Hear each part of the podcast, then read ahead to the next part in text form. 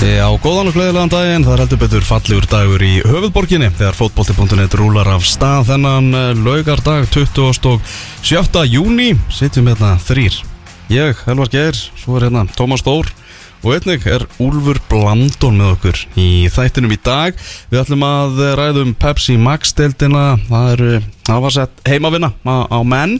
Við ætlum beðlans að skoða hvaða leikmenn hafa verið að valda vonbriðum og, og hverjir hafa verið að koma óvart í Pepsi Max deildinni, ætlum einnig að ofinbara hverju leikmaður e, fyrsta þriðjungs í lengjudeildinni. Og talandum lengjudeildina ég vil koma því að að leikur Fjölnins og Þós sem átt að hefast klukkan eitt í dag, hann hefur verið færður til klukkan fjögur, eitthvað vandamál með flugið hjá Þósurónum mm. þannig að Fjölnir og Þór mætast klukkan fjögur á Svo- ekstra vellinum í dag. Kanski verðt að benda það að leikur uh, fra, gróttu og fram fyrr uh, hefst hvað, hálf sjö í fyrirmálið ekki? Jú, nánast, Já. það er hátæðisleikur að byrja tólf. Já, mjög áhugaverð tímasetning. Já. Það er kannski rétt árnum við förum í, í fótboltan þá eiginlega fyrst við ekki, allan ekki ég hérna, geta komist hjá því að uh, óska Þórsurum í Þorlósöfn uh, hjartanlega til hamingju með Íslandsmeistaratilinni í, í körfubolta. Þetta er auðvitað einstakt uh, afreg og það er bara gaman að sjá þegar að skiptir ekki í hvaða máli skiptir ekki máli í hvaða íþrótt er um að ræða þegar einhvern veginn svona öskubusku saga og svona ég veit ekki, svona áratugar vekkferð hjá jafn litlu bæjarfélagi skilar jafn mikill gleði í einu í einu húsi eins og við sáum á, á stöðu sport í, í gæri, þetta er ótrúlegt dæmi. Komu upp fyrir 11 árum síðan þetta á tíunda árið hjá liðin í úrvasteld nýju sinnum hafi farið í, í úslitakeppnina uh, annars getur sér farið í finals vinna þetta núna gegninu ósýralegi uh, Keflavíkur og bara hrigalega hérna, flott að sjá, ég fór þetta nokkur sinnum að skrifa, ég held ég að líst tvisar eða þrisvar þarna og þetta er svona eitt af þeim íþróttahúsum sem að þú veist hvernig þetta er Elvar, það er, það er, það er gaman að koma á marga staði en það er frábært að koma á suma staði Já. það er bara einhver andi yfir veist, húsinu og fólkinu og hvernig mann er tekið og svona á sömu stöðum þá er maður svolítið fyrir fólkinu sem er að vinna þarna. Og sömu stöðum er bara öllum sama en á sömu stöðum síðan er bara, þú veist, mann er hlakkar til að fara að vinna í svona húsi og, og hann var stungurinn í, í Þorlásöfnur svo sannarlega einn af þeim stöðum og, Jóhanna Hjartadóttir formaður körfumkvæmtistildar þarna sem er náttúrulega bara mamma körfuboltans á Íslandi og hvað þá í Þorlásöfn og bara sendi hérna mínar og okkar bestu kveður og hjartanlega til hann með þetta. Algjörlega, herruðu, við ætlum einnig að tala um EM. Þú varst að, að setja saman hérna úrvarslið reyðlakjarninar, hingað til eða ekki? Það er orðið svo old, það er allir búin að því en ég skal samt koma mitt og eftir. Já, við finnum ykkur að fleta á þessu. Um, Allstaðar 16. úrslitin Þau eru að hefjast í dag Nú búum maður að segja að mótið sé bara já, Fyrir alvöru að fara að stað. Velstamörk og Ítalía og Östuríki Eru leikindi sem að vera að dagskrá í dag. Mhm. Það er náttúrulega risa, risa leikur sem verður annað kvöld Þegar Belgia og Portugal eru að við Og svo margir náttúrulega býða til Englandi á móti Þýskalandi Sem verður á, á þriðjudaginn. En uh, við ætlum að byrja þetta á Pepsi Max deildinni og lengjudeildinni Úlfur Blandón hérna með okkur. Úlfur, það er gott veður, sólinn skín og, og þú komst á mótorhjólinu í dag er hérna líkilætri að mæta þegar sólinn er úti að koma á, á hjólunu Hversu, hversu töff lið er þú ert að hjólu? Mér líður svona eins og, eins og Tom Cruise í Top Gun. Ah, ertu með lægið í eyrunum með það? Já, sjálfsög Að sjálfsög, bara á repeat bara. Alla leið, alla leið hingað. Ekki svo líka svo fljótur á hjólunu En það er ekki svona að klára lægið Nákvæmlega. Það er bara þannig sko. Við þurfum að hlaupa stefun af, af Stefið, maður lifandi. Eh, Pepsi Max deildin er annars vegar Góðu fréttunar með Pepsi Max deildina. Þetta er farið svona detta í eðlilegt horf. Já, ég er ekki ánægð með þetta. Ég vil hafa svona þrjár vikur um þetta líka Já. Og það er gaman að því? Já, gaman að Og mikið taktur í mönnum og í mótinu Og vissi allir þetta væri að fara fram. Nákvæmlega, áhverjum alltaf hreinu. Við þurfum þetta líka að óska bara þjóðinni og okkur til hamingju. Já. COVID er lokið, þú getur bara mætt núna völlin og labbað inn. Ná, heldur betur. Þannig að fólk svona yfir 60 og svona bara sem að ne- tekur ekki þátt í þessu, í þessu stubbstæmi og frábært app og allt það sko en, hérna, en nú er bara enga grímur, það er bara hambúrgarar, það er púp, það er sól og þú getur bara mætt á völlin, kefti miða og labbað inn på gamle móðin. Og gaman Engin hólfaskipting og ekki að taka vesen sko. Neini, bara allir á völlin Allir á völlin, það eru þríleikir á morgun og svo eru þríleikir á mánudaginn og uh, lítum aðeins á þá og byrjum bara á leiknum sem verður klokka fjögur á morgun á Kaplakrikavelli, það er FH og KA er að fara að eiga stið. Og þetta er fyrsti leikur FH-inga undir stjórn Óla Jó, fjórðasinn sem hann tekur við, við FH-ingum.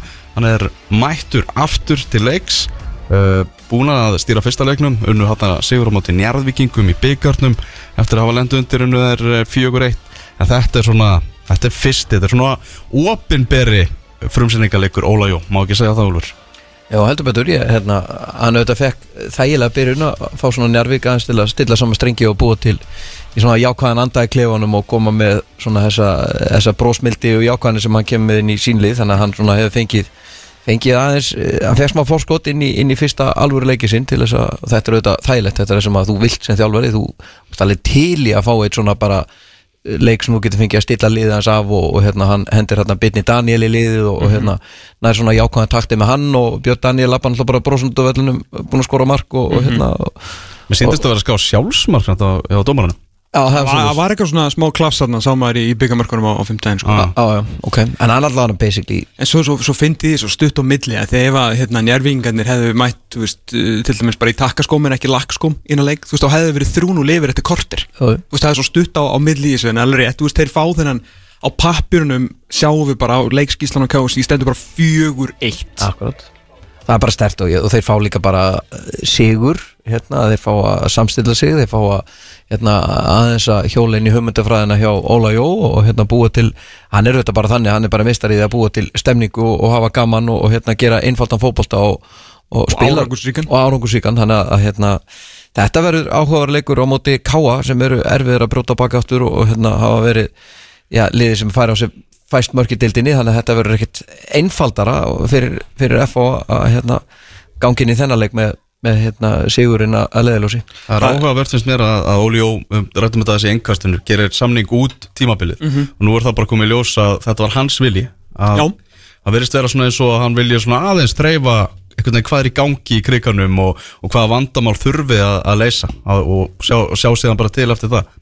Maður held veginn svona F-fangar hefur bara búið hann út tímabilið og Óli vildi meira Gæti ekki verið það því að hérna, það er rosalega gaman að hafa rétt fyrir sér og allt það en stundum er það ekkert sérstaklega gaman og við, ég man við Úlfur um að ræða þetta hérna eitthvað í desember þegar þessi skiptir að eyður fyrir landslið og þeir úst, logi teku við og svo var ég svona aftur eins og í síðasta þætti fyrir mót svona veltaði fyrir mig hvort að logi árið 2021 væri maðurinn og hvort Davíð og Viðarsson sem að verðist náttúrulega hafa ég meir en lítið að segja um hvað gerist þarna eh, eðlilega það bara virðist vera að grúma hann í að taka við þessu liði og mjög eðlilegt, ég menn algjör leiðtói og bara aðtöku hvort að sjá hvort hann getið þjálfað En ég heyrði það svo strax í þessum F á njarðvíkuleik meðan svona Davíð hefur bara verið meira ábyrrandi í leikjum heldur en logi það var þetta náttúrulega orðið allt að sjálfsög. Ólafur Jónsson nú er bara Davíð og er en aðstúðar þjálfari sko. Ah. og bara sest hann og, og bara sér um hitt sko. en, en þú veist þetta var veist, af því að við getum eða ekki að þau vorum búinir að snerta á þessu svona fjórum sinnum og þá fyrst held ég bara í desember að- þannig að þetta er ekki eins og við séum einhverjir sko mánudagsleikstjórnundur þetta var bara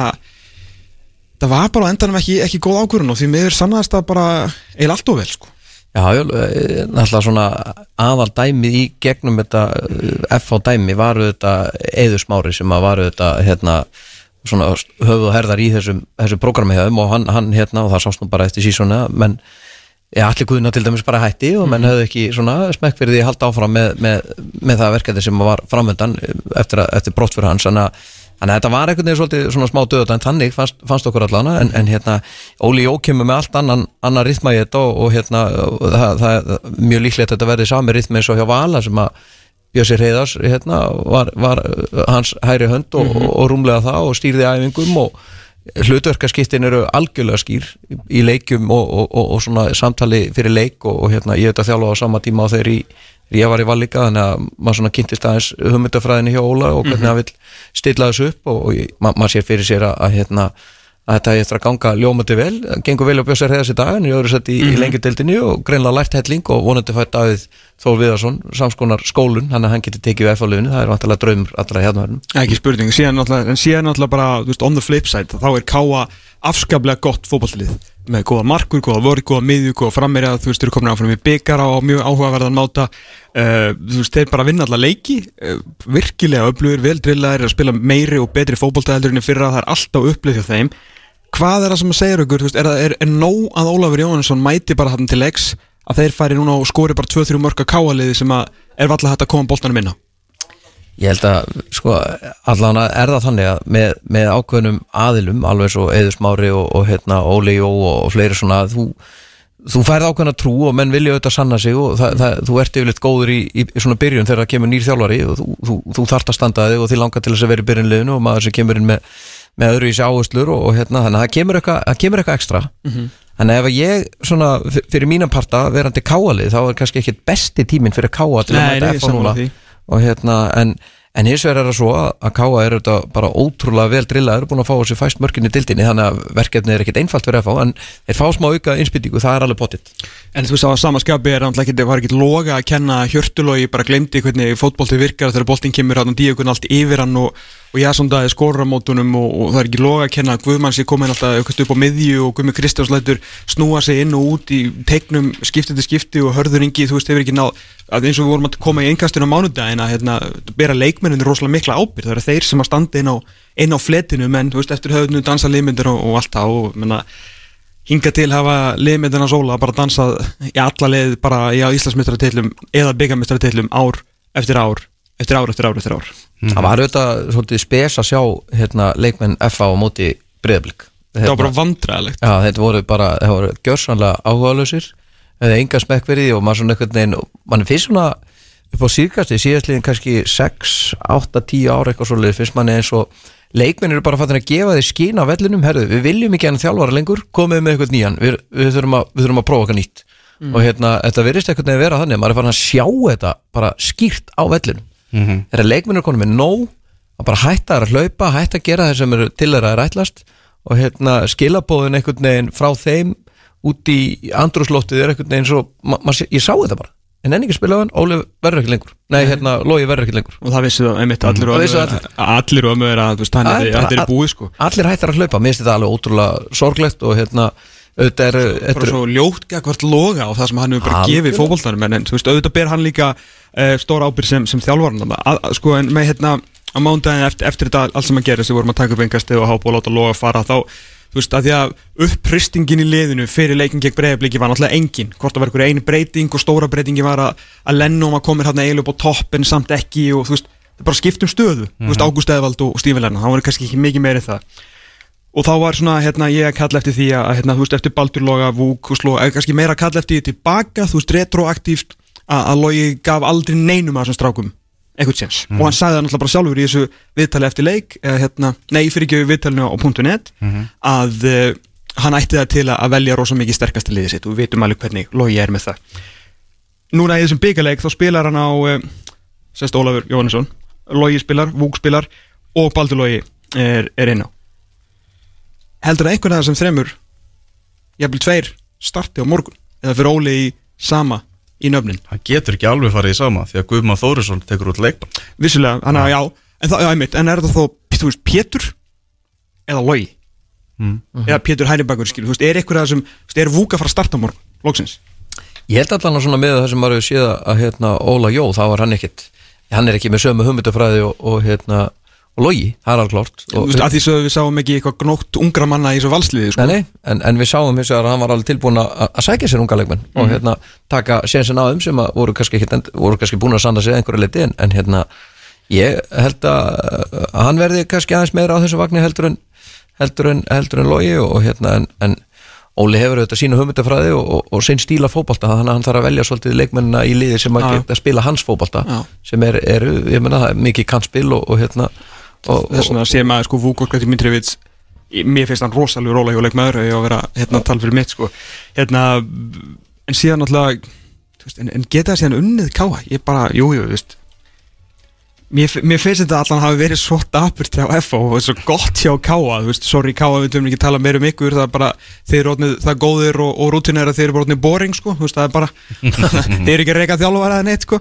Hérna, nei, nei, smántjó ég veit ekki, þetta er, þetta er allan að rísa stóleikur fyrir, en með Óla Jó á hann alveg, þú veist, tala um hérna, semja út tímambilið er það ekki mitt málið, þú veist, að hann allar ekki þú veist, ef eitthvað, ef eitthvað gerist þú veist, ef verður eitthvað laus, eitthvað framtíða maður og, þú veist, Óli bara er svona mátulega sáttur, þú veist, geti hann ekki bara stíði frá að því hann kannski ætlar ekki að taka fimm ára hann?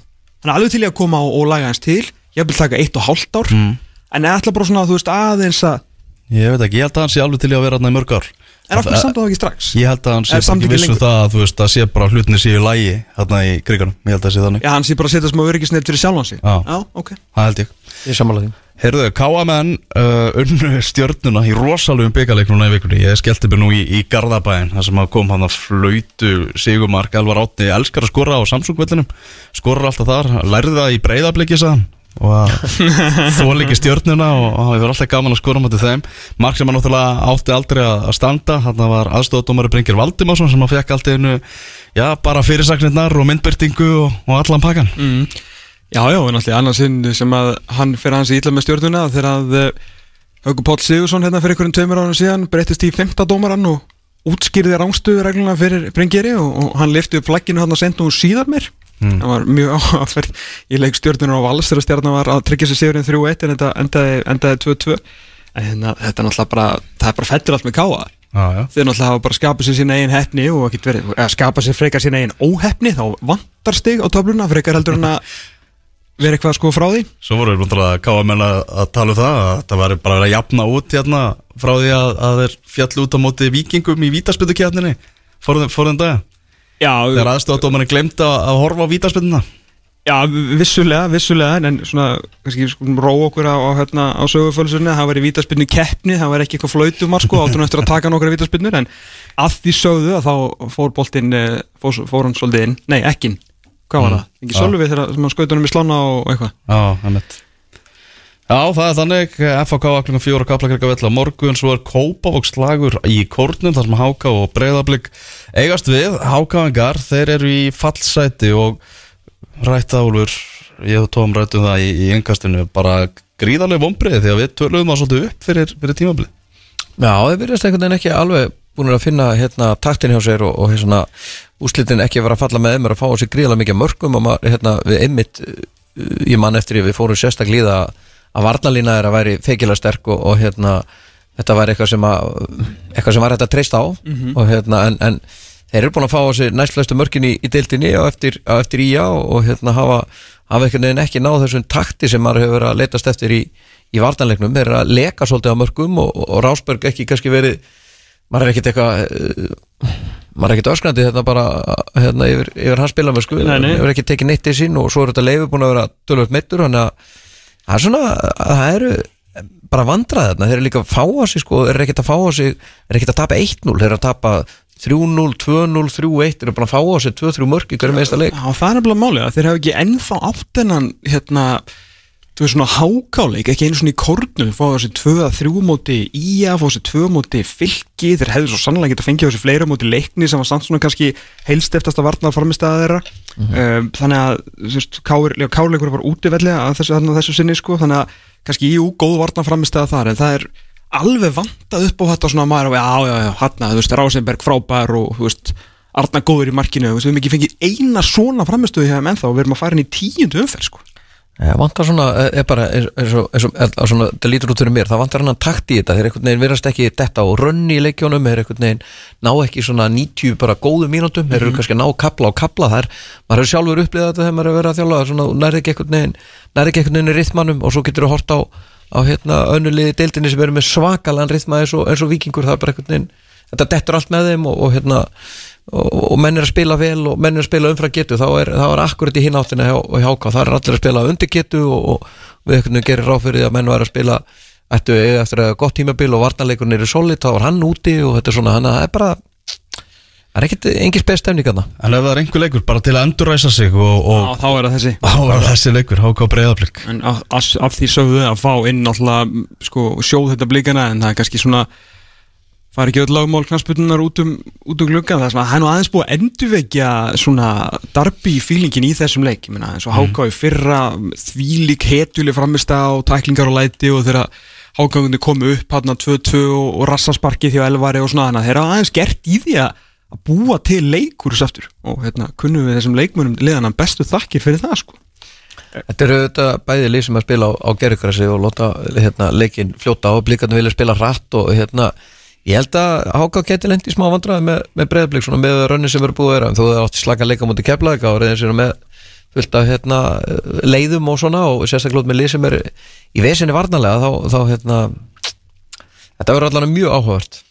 En síðan alltaf við kannski, ég veit ekki, tökum kannski aðeins stærri umræðum um leikmannamarka en hérna á, á eftir en svona sko, það náttúrulega að styrkja sig eitthvað. Þú veist, það þarf eitthvað, það þarf að droppa einhverju dínamíti hann inn í, inn í leikmannahópin aðeins til að sprengja þetta upp, hvort maður sé þá sókna maður eða, eða þú veist, við erum ekki að tala um eitthvað, eitthvað sem getur skora mörg, ég með þeir eru með nóa varnamönnum þú veist, þeir þurfa bara að fara að spila almennilega. Þeir eru ekki að leita einhverju, einhverjum kreatífu manni fram á því hvað sem að segja, kannski þurfa ekki nýjur með öfluga manni ljúbisits en, en það þarf eitthvað á vangin til að, að leysa, þú veist binna og, og, og valla litla af eða, eða bara inn á miðjuna, skilur eitthvað, það þarf eitthvað svona meira kreatífi fram á því því að með þeir eru að leika svona mikið mörgum þá verður það að skora meira, sko.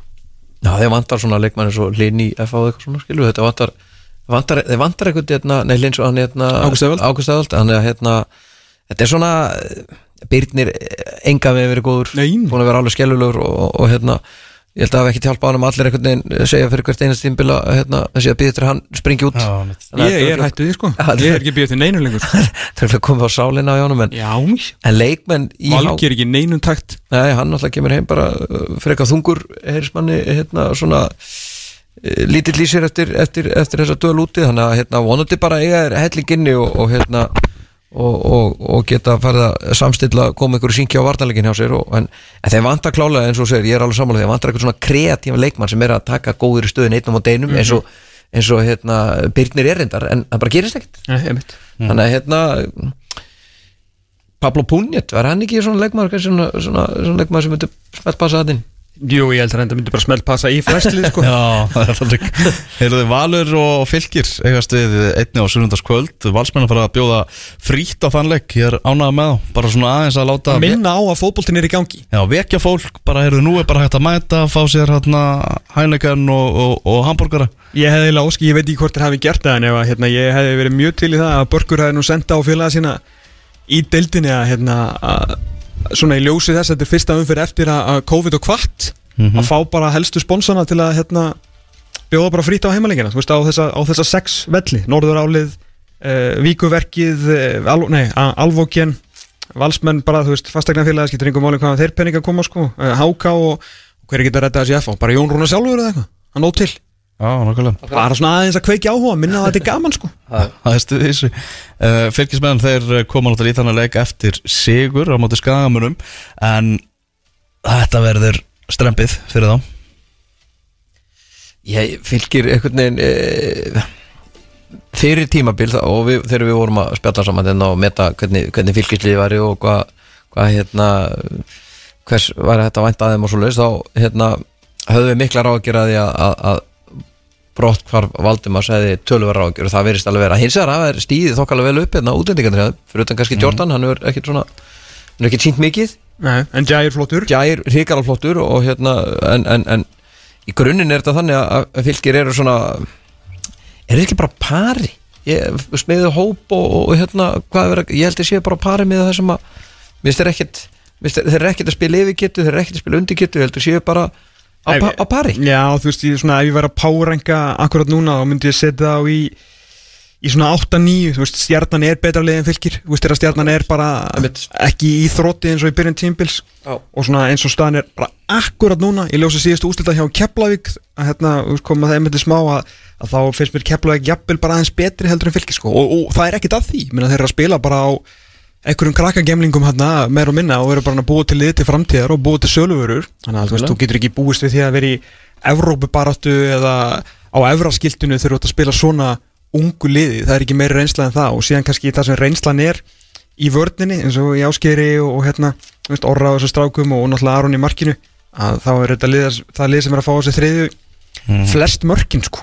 Þannig að það er kannski frekar reynsluboltarnir sem er að bræðast heldur en eitthvað. Þannig að ég hérna Mér finnst þeir, ég, svona fyrir mínu parta ég held að þeir allavega í fylki geti bara verið þokkala sáttum með sig sko. þeir eru að ná að enda eitthvað á milli 5 og 8 í, í deildinni og búin að missa ég er sennilega bara besta leikmann Íslandsmótsins í fyrra, allavega top 3 Já, meðan hann spilaði meðan hann spilaði. Spurning, sko. Þannig að hérna, það er nokkið eðla flókið að hérna, byggja upp lið sem er búin að byggja upp lið kringum eitt leikmann og, og hérna, fara svo breytum takt og ná samt að hanga, hanga bara þokka leir og, og hérna, ég, mér finnst það bara fínir mér finnst það bara að vera ná ágætis árangri og ég held að ég geti bara verið ánægð með sig. Og hérna, auðvitað er eitthvað hægt að bæta og varnarleikurinn hérna, hægt að stilla aðeins betur af og, en, en þeir eru feikilega velskipulaðir og, og góður að beita skindisóknum og bara fínt hérna, er að ná helling út úr djær og hérna er að spila Þórði Gunnari hérna ungum og efnilögum sem er gaman. Að ég, bara, ég er alveg á vagninum.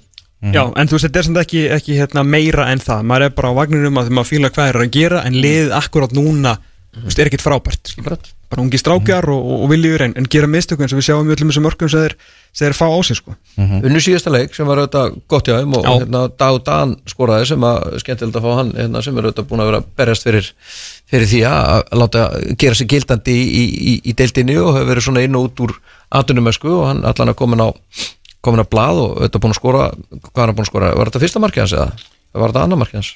Bara það ekki. Ekki, heldur held þetta verið fyrsta. Mm. Ekki? Jú, ég held að Já, þannig að bara vel gert í honum. Mm Lítum aðeins á uh, mánudagsleikjana Káur mætir stjörnunni. Uh, Theodor Elmar vist á leiðinni í, í Káur lið. Theodor Elmar og Kjartan Henry saminnaður á ný.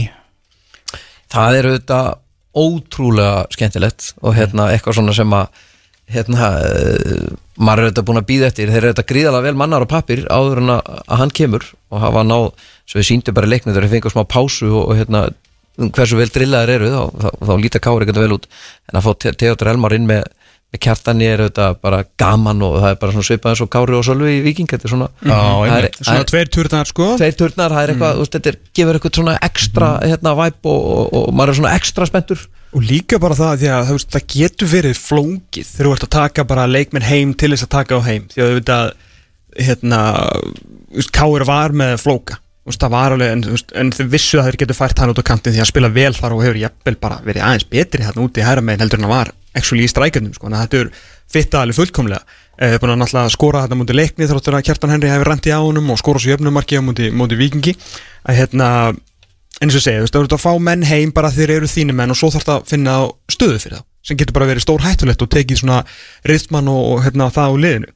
En þetta ætti nefnilega að vera bara nokkuð beautiful því að Theodor Elmar fór hérna út með sko svona sleikt eh, hérna mjög vassgelað hár sem mikill og skemmtilegur vængmaður, skástrík framherji sem að skoraði mörg og, og, sólaði menn og, og svona mikill spaði. En ennáttúrulega í dag bara bara mjög svona rólindis svona miðjumæður sko. Og þá vantar alveg, þú veist það kannski vantar ekkit þú vantar en, en þú veist það er ekkit mál fyrir Rúnar að koma honum inn á miðjuna því að hann getur gefið Pálma, jafnvel breyk við og við ef hann vil, ég held að þetta Pálmi hafi engan áhuga á því.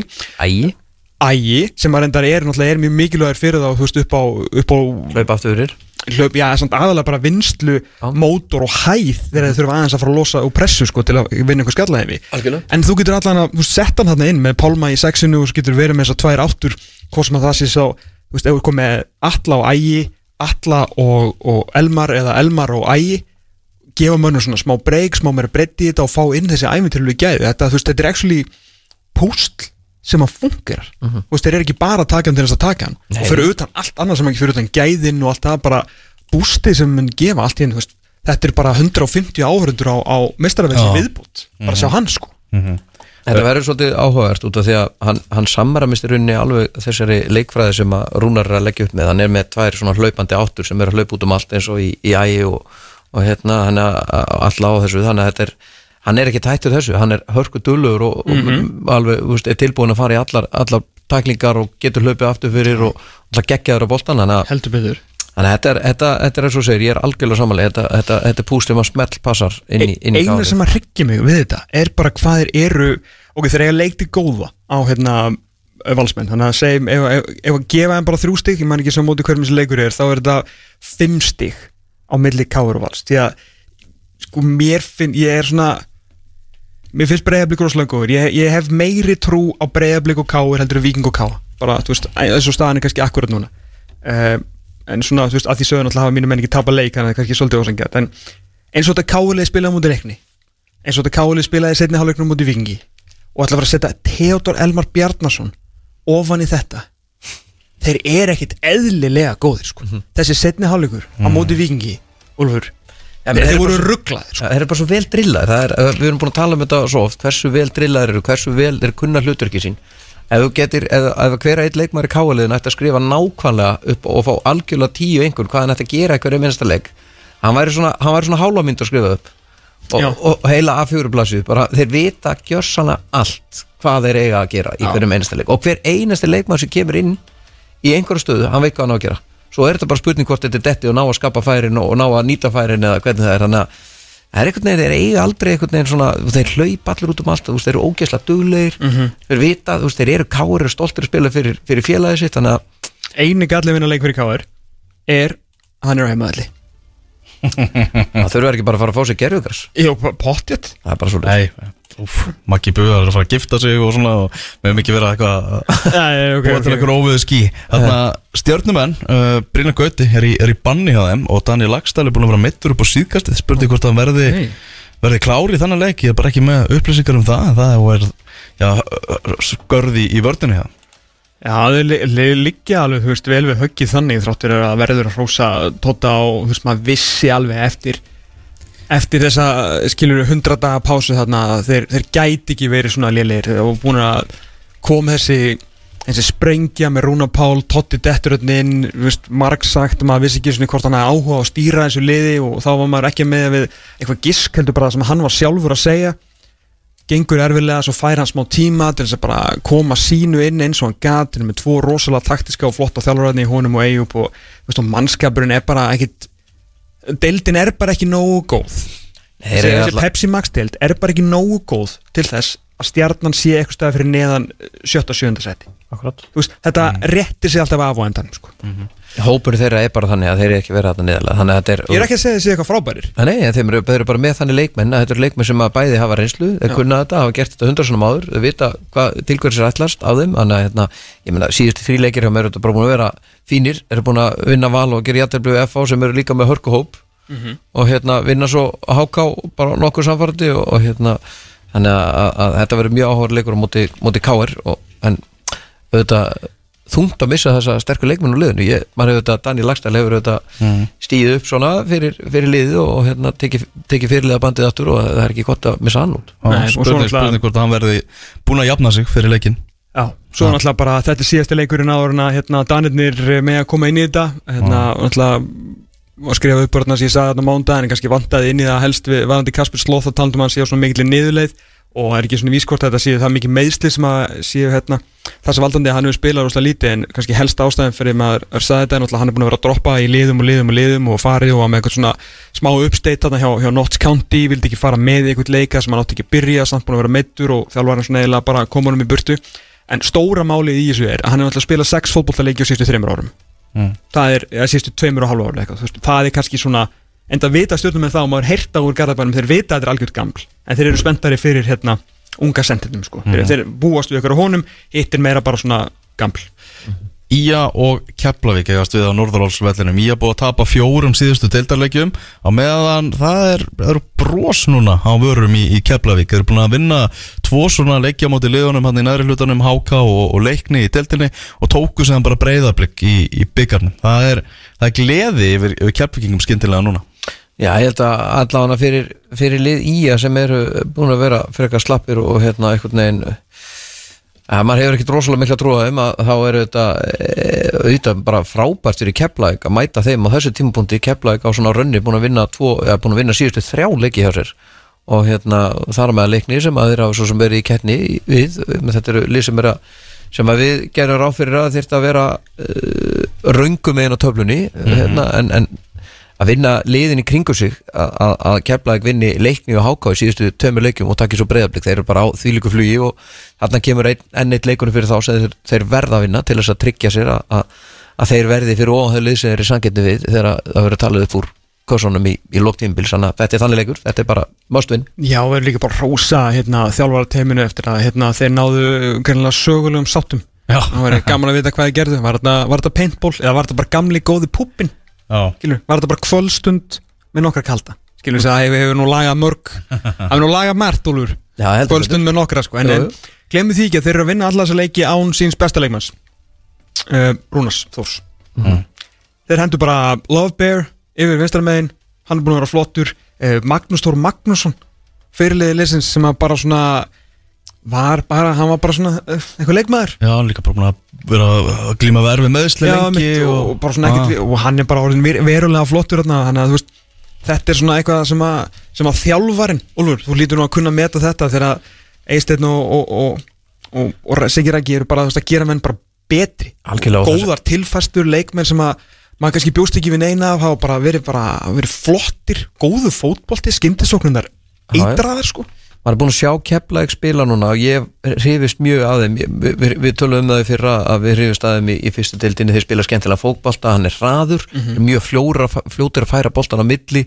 Leikmenn eru fljótur að skilja sér stöður að boltin tapast, þeir eru fljótur að reyna að vinna hann aftur. Það sem er kannski núna leikillin að, að því sem er að gerast núna er að sendir þeir er dóttin í gang, hann er byrjar að skora og það er auðvitað það sem að lífsnöðsynlegt lífsnöðsilegt og auðvitað er það bara þannig þegar sendirinn byrjar að skora, liðir að spila þokkalega, þetta gefur liðinu alveg svakalegt búst, þú fær bara 30% auka þetta, þú veist að þú getur treyst að það sé að fara að góða mörg, þjálfarinn getur farið inn í leikin og sagt, heyrðu, hafðu ekki ágjörð þessu, við fáum færi við erum fattur að skora núna. Hvað er næsta skrif? þannig að hérna, þetta er, þetta er menn fá trú og, og það, það er algjörlega ljóst að menn eru konu með trúna núna hann að þeirra vegna auðvitað, vonast maður til að þeir haldi áfram þessu góða, góða rönni segir á og klári, klári hérna, næsta leik sem er þá já og hérna, þetta er auðvitað bara þannig þetta er, þetta er, þetta er fagurfræðin á bakvið Keflavík er auðvitað mikil? Þeir eru að spila á uppöldu leikmönnum þeir eru með ákveðna hugmyndafræði þeir eru búin að að vera með verkefni í gangi nokkur ár. Búin að vera með verkefni í gangi ákveðin ár, alveg svona ekkert ósvipa og við höfum verið að tala um með leikni. Mm. í er við suður að reyna, reyna þetta og er svona, en þeir hafa kannski farið aðeins öðruvísi leið á þessu, þeir hafa tóku mikla fjárfestingar og meðan að keflaðið og leiknir en að keflaðið er ef, ef þetta tekst til hjá þeim og þeir halda sér í dildinni og, og þetta gengur bara ljómandi vel hjá þeim, þá, þá er ég allan að manna fyrstu til þess að, til þess að fagna fyrir þeirra hönd og, og hérna og fagna því að, ungi leikmenn og, og, og svona hugmyndafræðin virki. Það eru svona nokkur svona nokkra stöður að svo getur syngt og sért rosalega fær þjálfari eiginlega bara í öllum deildum og ekkert síst í, í pæksum magstildinu þetta getur unnið deildina þú getur komið lið í Európa-keppni þú getur overachievað með þú veist eitthvað lið þú veist eins og kannski þú veist, Víkingu 2014 þegar Ólið Þórðar kemur um í, í Európa-keppni og svona þú veist það eru veist, mörg level á því að sína hversu öflugur þjálfari þú ert. En það er eitt líka í þessu það sem sýnir hversu öflugur ert eins og húnni og hérna og uh, Sigir ekki geta gert núna og eru kannski akkurat, akkurat bara þessu mómenti að gera. Það er að koma upp úr inkassodöldinni, eða upp úr lengjadöldinni með engar fjárfestingar að hverju viti en að halda liðinu uppi því þú veist þú þarft alltaf að gera lagfæringar. Þú mætir ekkit upp með eitthvað þú veist, hérna, leiknisliði með Hilmarátna náttúrulega bara skautaði gegnum, hérna, gegnum fyrstu deildina á sínum tíma. En þegar Freysa Davíð kom upp þá náttúrulega sjálfsög fór liða aðeins aftur á völlin og fór, að- fór að verjast og þú veist, muni ekkit miklu að þeim að halda þessu uppi og sé þetta með fleiri, þú þarft að þú veist, þá þarft að fara að þjálfa ef þú ert ekki bara með, þú veist, ef að bara háis orka og hvað, allir hann mæti ekki bara með einhverja milljarða og vilja bara sjá keflaði fyrir Európa-baratu þá þarfst þú að fara að þjálfa lið. Þú ert að gera leikmenn betri, þú ert að koma með lið aftar, þú ert aðeins að laga leikstílin og þetta getur alveg tekið tíma þú ert alltaf fann að spila mútið Óskarinni Hugsinni og Kára Árnasinni og eitthvað. Þannig að þú veist, ef að þeir myndi halda þessu liðu uppi á þess að, hverju voru viðbætnar? Ég meina, þeir, þeir, sko, bara, þeir síndu okkur að því fyrra, þeir spiluðu frábæra fótbalta, við, vor, við vorum að rósa Já, en nú hafa þær aðeins, þau Algjörlega. þurft að fara aftar. Algjörlega, og hérna, sóknunar færri en þú veist, það eru markvissar, það eru hraðar og þannig að þeir byggja náttúrulega sínum gildum en þetta er ekkit eitthvað, þú veist, 55% possession sko, nei, þetta er öðruvísi öðruvísi en vel Já, gert. algjörlega, þannig að þeir eiga bara mikið hrós og auðvitað vona maður að þeir haldi áfram og þetta er svona eitthvað sem maður vill að, að gerist og, og, og að liðin hafi tækjafæri til. Og ég tala nú ekki um að þeir vinni svo eitt af toppliðunum í, í í byggar, það er þetta enn en meiri fagfræðu böggu það og ef þeir að fara svo halda áfram eitthvað, fara lengra í byggarnu þá, að hvert er maður að fara, er maður að trillast bara í það? Nei, ef, þú veist, ef að hérna, það er eitthvað mennum verið að segja þá, þú veist, þið unnu bara keflaðina hérna KK og leikni. Bara fuck off, vorum að vinna breyðablík sko.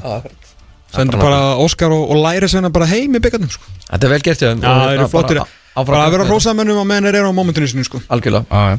Skagamenn hins vegar uh, unnu 3-0 sigur hérna á móti varaliði fram í, í jú Uh, en náttúrulega árangunni í deildinni er búin að vera ansi erfiður, er aftur komin mikið læti í, á, á varmannabekkin hjá, hjá skagamönnum? Já, jú, við byrja að öskra boltan aftur inn. Já, Jón Svensson þjálfur framsæði þarna til byggarleikin þeir voru arkand og spjöld út og suður. Ef hann hefði spjaldað fyrir allt sem voru að byggja um þá hefði við líklega verið einum færri strax eftir tíu mínútur eða, eða svo. Þeir voru aðeins búin að tjúna þetta niður en nú er bara staðan þannig. Þeir eru í neðsta sæti deildarinnar og það er þá, eru læti á skaganum þegar í er í neðsta sæti Við værum, það væri skrítið að segja að ég væri ekki í liðlegasta liði deildinni í, dag 1. júli rennur upp núna á 50 daginn, opna leikmannaglugin það verður mjög fróld að sjá hvað skæðin gerir eru þeir hérna alltaf bara taka á sig mögulegt fall eða eru að fara að sjá einhverja alvöru hreyfingar Þú veist, það þeir þurfa að vera nokkra leikmenn sko.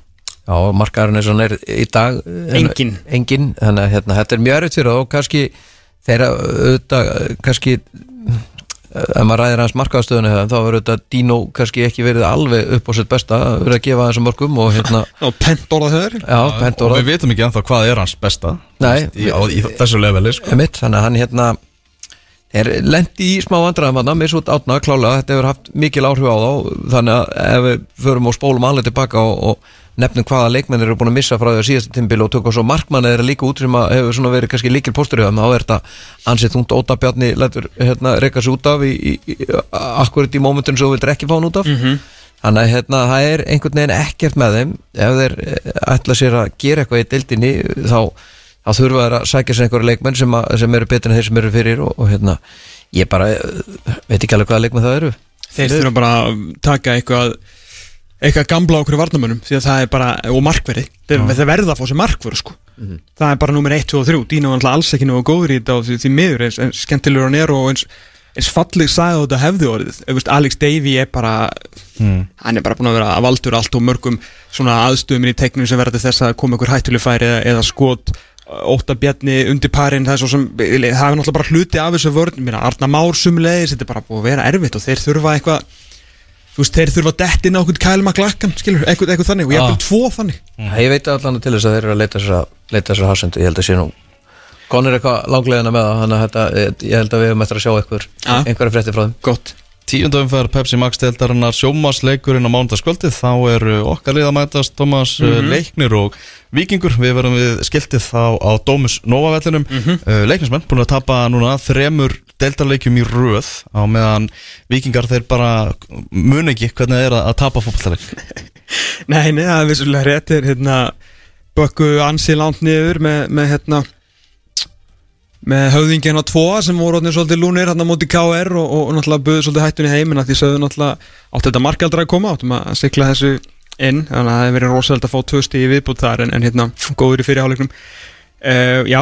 geng, gengi vel en nú er vikingur að fara inn í þeir eru búin að vera í svolítið töff prógrami sko. FH Valur, KR uh, og leik og undan því og breyðablík líka, þessi síðan síðustu fimm leikjum og þau eru ekki ennþá búin að tapa nú er vikingsliði sem að hefur náttúrulega eins og áður komið fram umbylt fótboltanum sínum að fara inn í fjóraleiki prógram gegn fjórum neðstu liðum deldarinnar þeir eru búin að tapa stígi gegn fylgjuheimavalli eða stígum eh, þar sem þeir, já, tapa, þeir komast náttúrulega yfir 2-1 sent í leiknum.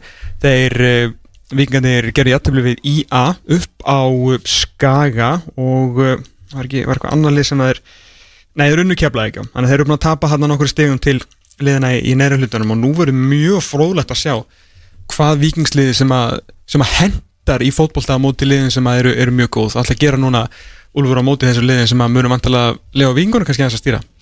Já, það er, það er alveg hárétt og hérna, þeir kannski er að fara kannski í svolítið fótboltan sem þeir reyndu að spila í fyrra eftir, eftir hérna, stýra leikjum og, og hérna, halda boltanum meira en heldur en þeir gera í dag. En ég held að, fyrir vikingslið með, með þann risma sem er í gangi og besta leikmann deildarinnar í, innan bórs þá eiga þeir ekki til að vera einhverja vandrað með og ætti ekki að vera einhverja vandrað með þessu lið. Þeir eru búin að vera að fá mörg og leiknisið því miður hérna, eru bara á ekkert að sérstaklega góðum stað. Sævar Allir er þetta búin að spila mittur eða allt tímabilið og, og hérna hefur einhvern veginn þrátt fyrir það skora sagt mörg hann er mittur og það, það vita það flestir og hann er einhvern veginn að kreista sig. Ég veit ekki hvað, hvað, er, gera, hvað er þetta mörgum verketöflum í hann fyrir leik en hann er allan að spila mittur það er auðvitað skarf fyrir skildi en, en vikingar hins vegar eru með sjóðandi heitanstrækir og besta varnamadildarnar og frábæra miðjumann hérna, þannig að það er allt bara með þeim. Markmann er að spila vel Þannig að ég held að uh, ef ég væri stundum með vikings þá væri ég ekkert með miklar ágjör með reynsluna og það sem er svona búið að vera í gangi í höfum undanfjörnuleikum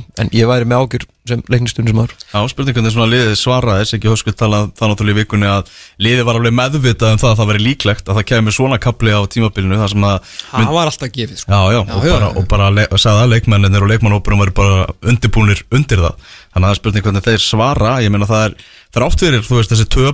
á móti Háka og Keflavík sem eru virkilega slæmtöp sérstaklega það sem er þessi lið í 60 leikjum þá er ímislegt jákvætt. Það, það þarf kannski fyrir leiknisliði meira að horfa í spilamennskuna á löngum köplum í báðum þessum leikum Já, ég er sammálið því. Og þeir eru ekki búin að spila illa.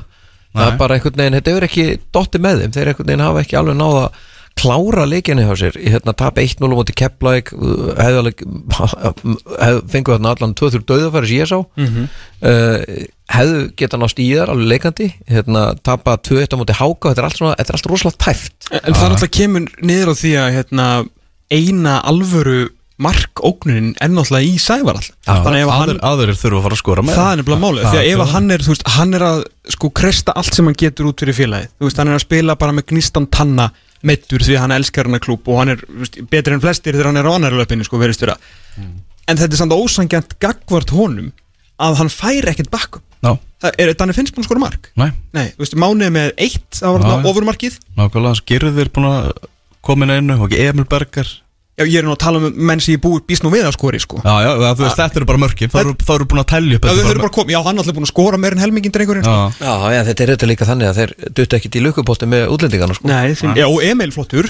Já, já, Það einn- af- já, Þeir tóku þetta séns, þetta er þetta séns og fyrir Suður Ameríku, þú veist, þetta er bara þú ert ekki að leita í öryggi fara á Norðurlöndin eða, eða hérna þessum að þessi lið hafa verið að segja sér leikmenn Káfa fór svo til þessi serpa, hann er búin að frábær mm -hmm. en hann sínt það hérna í gegnum tíðina en margir eru að búa hérna þá og eru lúka kost ykkur svona, er þetta, er safe bet, það er ekkit Já. safe bet að fara hérna Escobar síndi svona, þú veist, í þessu leikamóti val bygg, byggaleiknum, þá síndi hann skilur með rispum hvaða gæði búa þarna, eru þarna til staða Bara til að pyrra ykkur meira sko. Já, nákvæmlega, en bara gerði eitthvað. Nei, einmitt, einmitt, Þú Legðu upp mark skilur. hann, hann er bara ekki búin að gera neitt fyrir liðið. Nei, bara þetta er algjört Þetta er, þetta er rosa floppinga til sko. Þú ert ekki lukkubótinn hann Nei, því miður. Það hefði mér stilega bara að fara ángar leið. Akkur, þú veist, ég meina, Sagan segir að Spánverðin hafi virkað á Íslandi og Sagan segir að, að Norrlanda búin hafi virkað á Íslandi Þetta er, þú ert auðvitað að taka þarna rosalega séns. Sko náttúrulega sífið hjá honum á að segja þetta sé ekki sens En svo segir við eins og við erum að segja þetta frá við mættum innan 2009 Það er alltaf ástæði fyrir að endur á Íslandi sko. Að, hérna, En svo var það bara spurning hvernig, hvernig þú tekur því sko. Mm. að, hérna, Það eru tveir eh, risastóri leikmenn með tvö sífi annari fram og annari þróttu vóum Þeir eru nú lítið búin að spila eiginlega bara ekki neitt. Já, Danni Göthur, ég fekk byrjunleisleik þarna í svona byggar Já, fekk byrjulegis byggjandum Með- fyrsta leikur. Með varaliðinu. Það er bara meittir, þetta er bara menn sem er að koma bara, þú veist, þeir eru bara að spila á 40% Já, já, hlutfalli já, hérna. en ég hlaka til að sjá Göðriðin þegar það er komin aðeins betra stand. Sko aðeins með hérna vikinguna, þið er alltaf verið að tala um hérna hver er búin að breyta, þú veist, við voru í þessum þessum skemmtilega fótbolta sem að skilaði hvað mörgur sérum áttur, mér finnst engi búin að vera ræðum þetta, hvað vikingar vann unnum ekki að leikjum fyrir þrjá eða sliðis, Já, já, eitthvað, eitthvað lítið allan það er eina sögulínan Hérna, sko, Úlfur nú ert þú uh, þjálfari. Þannig að þú veist, mér langar að þetta við einhvern mann sem, að, sem hefur þjálfað fótbolta. Mhm. svona margir myndi halda á að vera að vinna skilur á, hjá steipustöðunni að þú er svo mikið að leggja grunna leggja grunni hjá gróttu, leggja grunni hjá val og síðan að þetta mestaralið þar sko. Uh, Víkingsliði til að setja þetta í samhengi aðeins bara svona rétt bara, bara tvær að, sko, bara, bara, bara tvær tölur. Bara tvær tölur í fyrra.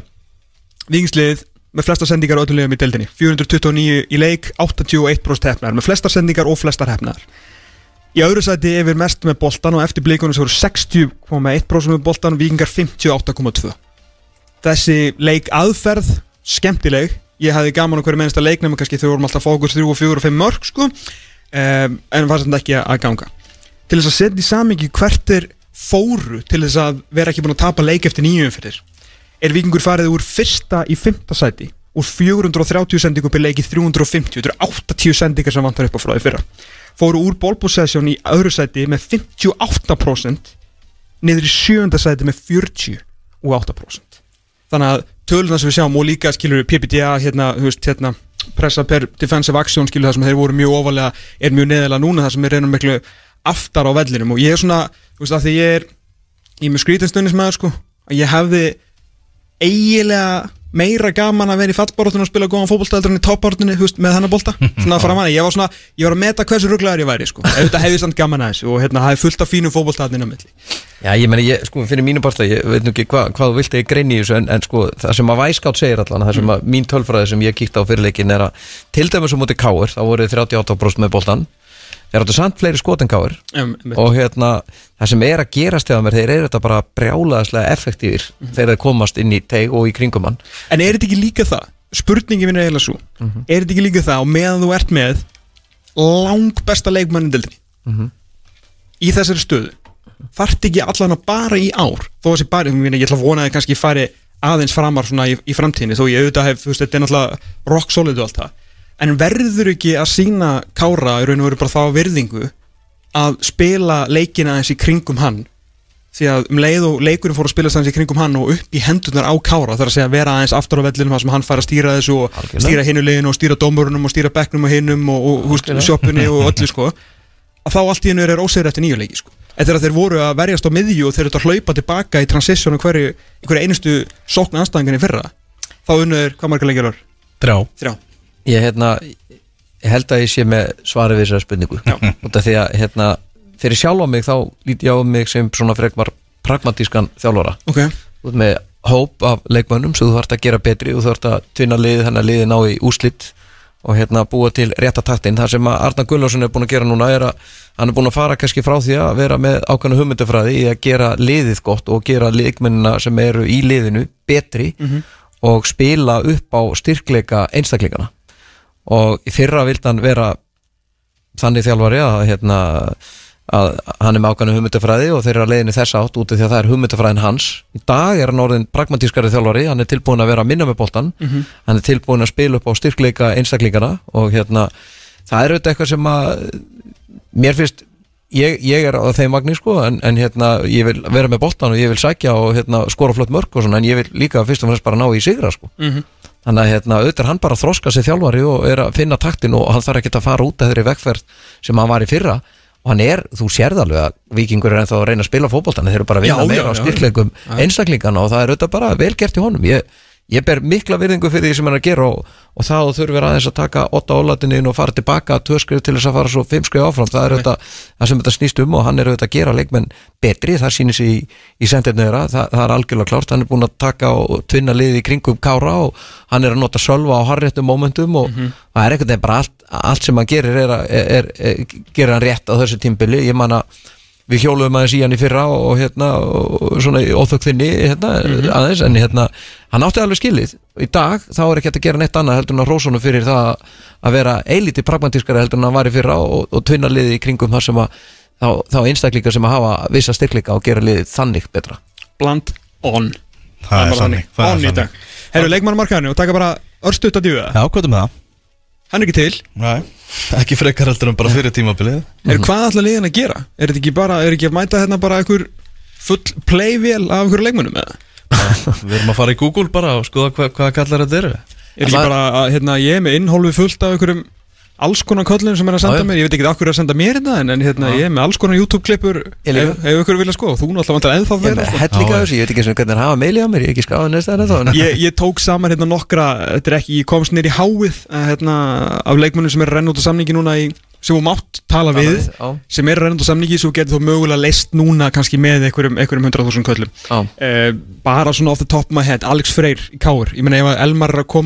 100.000 köllum já, bara svona off the top of my head Alex Freyr í Káur, ég meina ef að Elmar að koma með þá er sæn hans endanlega uppbreytt hann þarf að komast aftur út á fótboltavöllin það er kannski, kannski háká fatturu, hann, hann alltaf var mjög góður og kreatísku leikmaður þegar hann fekk bara að spila leik eftir leik eftir leik. Þannig að hérna, veist, ég veit það ekki ég, Við svona, höfum við farið yfir að ég man að ég talaði um það einhverju þætti hérna, að, að slíta crossband er ekki djók sko. nei, nei, og, tvisvar. Tvísvar, þetta er bara rosalegt dæmi. Og þú, þú veit að kannski nærði ekki aftur taktinniðinum aftur en algjörlega, ég sammála því, hann geti verið einhver, einhver biti fyrir einhver liðin, ég nána svona ég myndi segja svona 99,9% líkur að Rúnar letur hann ekki fara, hann er ekki fara að minga hópin hjá sér af. Það svo er Emil Ásmundsson það líka Já, hann er, já, hann er náttúrulega ekki samt á, á samning sko. Nei, nei. En, en, en hann vissulega hefur ekki spilað mikið. Nei, og eh, hérna, ég veit ekki, síðan hérna Hallar Óskar Sigursson í fjölni Halli Willard náttúrulega með hérna auðlýsingu og .net sko, hvort að hann fari þá bara núna strax. Mm. hérna, ég veit just, Heiðar Ægir svo leikmærin, stjarnan aldrei að fara að láta hann, hann fara, Björn Berger hann er að vera, hérna, Björn Berg Bríði. Hann er að vera samlingslaus, ég meina fyrir einhver vantar varnamann, ég veit að stjarnan er komið inn í liði núna, en svona, þú veist, þetta er allt einhvern veginn svona, svo líka þegar öll liðin í deildinni eru veist, eru held ég svona smá ósátt eða ofsátt.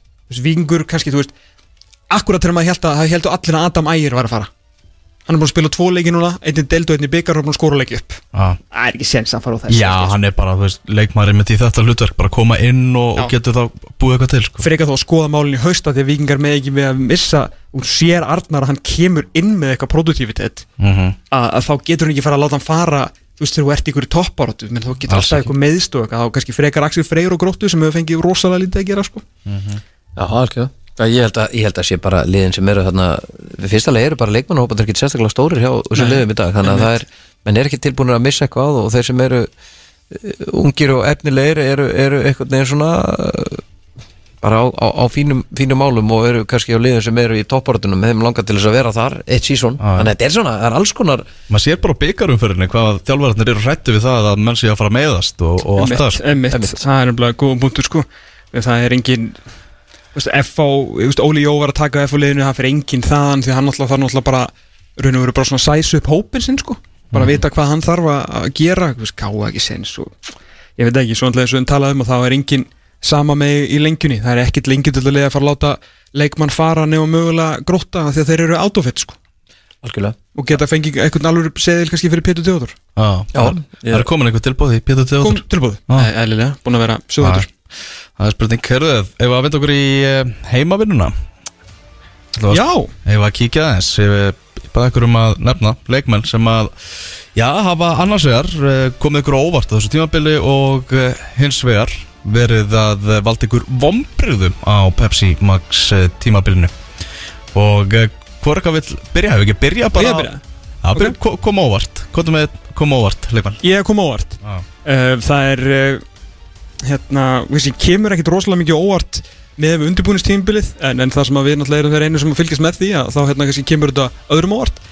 En það er uh, erfitt að horfa fram hjá því að uh, strákurinn sem var að koma úr, úr annari og uh, lengjudeldinni inn í ofurlið Breiðabliks, Jason Dæði Svanþórsson er búin að vera besti leikmaður Breiðabliks. Þannig að í ljósi þess hversu hversu ótrúlega góður hann hefur verið og yfir, bara yfir höfuð þá er ekki hann að sagt að að hægt að segja henni að, að hérna, komi mjög skemmtilega óvart Jason Dæði Svanþórsson, verið frábær. Mm Úlfur, Ég held að hérna, það, það verði einhver að taka hérna, leikmann úr vikingsliðinu og það sem hefur komið mest á óvart þar er klála Nikola Hansen, það er algjörlega, lust það er ekki þetta það er ekki flókið. Maður þarf ekki að tala um þetta sko en henni það maður er búin að skora áttamörki nýju leikjum og búin að vera algjörlega óstöðandi og, og, og aftur eins og við fórum yfir með Arnar hann er að spila upp á hans styrkleika í dag. Hann er bara með hann inn í tegnum og, og vill fá hann til þess að pott inn og er, er að setja upp á hann hérna, sendingar, krossa og allt þetta sem hann þarf. Þannig að hann er að Hann er svona leikmaður sem er ótrúlega góður í að fá krossa hvort sem eru með jörðinni eða uppi og, og svona slútaði með einhvern veginn í netið. Hann er yfirlega mættur á næstökjum þar sem að strækjurinn er að vera og þannig að Nikola Hansen fær mitt atkvæði í þeim sem hafa komið mest á óvart. Hann er bara verið, hann er bara fín í fjögur eða fimm ár síðan á komina fín, ekkert meira það, núna er hann frábær. That's it. Annar leikmaður sem hefur komið þér á? Uh, Ég hérna bara, ég ætla bara að kasta góðu sjáti á minn mann Dodds a Bullet Já. í, í markinu á X en ætla ekki að vera með tvo vikinga en hann á bara, þú veist, með hvert hann var komin og búin að missa sætið sitt og hefur hann náttúrulega er það bara lang, lang, lang næst besti markmaðurinn í þessari deild uh, þeir tveir eru bara á, á stalli fyrir ofan alla aðra uh, kannski, og Halli hann er rétt hjá en, en samt að halda mig við markvörð og eins og Úlur sagði með Nikola Hansen þá þarf hann ekkit að, ekkit að ræða þetta Já. það er heljarmennið í markinu hjá knæspunumfélagi Agurerar Sneiðþómar Öðinsson a.k.a. Stubbur. Já, maður sem hefur verið að tala um að ég bara vera vítaskiptan hefða núna. Þetta er náttúrulega bara ótrúlegt og, og þetta er engin auðvitað er góð vörð fyrir framann hann en, hérna, en hann er bara búin að vera hann er bara búin að vera algjörlega frábær með þessi vítaspinnu varsla hann um daginn, eh, ekkit smá góð. Mm langa hérna uh, oh, Elvar. Stöppurinn Stöpurinn, bara hérna þvílík, þvílík saga og, hérna maður sjá. Káa, skal segja það alveg minn. Ég skal segja þér það alveg minn og segja hversu góður hann er. Uh, Káa er í öðru sæti í deildinni í XGA sem að því er að Káa er búið að fá á sig uh, þrjú búin að fá á sig, nei, já, þessast fyrir þessast síðustum fyrir voru búin að fá á sig þrjú mörg áttu er búin að fá á sig tæp átta. Já. Þannig að Stubbur er sko með eða Stubbur og Káa liðið ég vil náttúrulega henda XGA svolítið bara á markmannin pluss 4,7 mm. Hann er búin að múra. Þannig að þeir eiga að vera búin að fá sig 5 mörgum meira en þeir hafa verið með. Mm. Annar leikmaður sem hefur hefur komið þér á óvart Úlfur? Já, ég hérna, við vorum svona uh, búin að stúdera þetta eins, það eru þetta, káalið hefur þetta bara komið feikjala mikið á óvart og það er búið að taka markmanni, sko, þú nefndir aðeins Þórið Ingarsson, hjá, hérna, Dotti, þannig að hann er búin að vera frábær í vikingsliðinu en ég svona eftir, eftir þessa frábæru spilamennsku hjá Brynjar Inga Bjarnasinni, þá, þá hefur hann auðvitað komið á óvart. Já og hérna Hann er bara búin að vera á landsliðsleveli hann er bara búin að vera á landslýslefili hann, hann fær mitt atkvæði og, og algjört algjörlega skilið að það sé, hans nafn sé rópað upp um upp um alla koppagrundir hinga og hanga út af því hann er búin að vera gjörsanlega frábær og þeir eru búin að fá á sig fjögumörk og það er ekkit það er ekkit grín að vera búin að fá á sig fjögumörk í, í, hérna, í öllum þessum átta leikjum sem eru búin að spila. Þeir eru búin að halda og, og Stubbur og, og Brynjar Ingi eru þar standa fremstir og hérna með, með dúsan með Dúsan sem er auðvitað frábær, frábær sænleika. Þannig að, hérna, ég held að hann fær, Brynjar Ingi fær mitt atkvæði ásand, ásand, svona hendi svona smá yfir á Þórið Ingarsson líka sem er búin að vera frábæri markminn hjá, hjá Víku Það skulle fara yfir í leikmenn sem hafa ekki verið að standast ykkar vendingar vonbrigða leikmenn? Ég, maður veit, náttúrulega ekki hvort að sé út af bara öllu sem er í, í gangi en, það er uh, svona augljósasti og, og svona kannski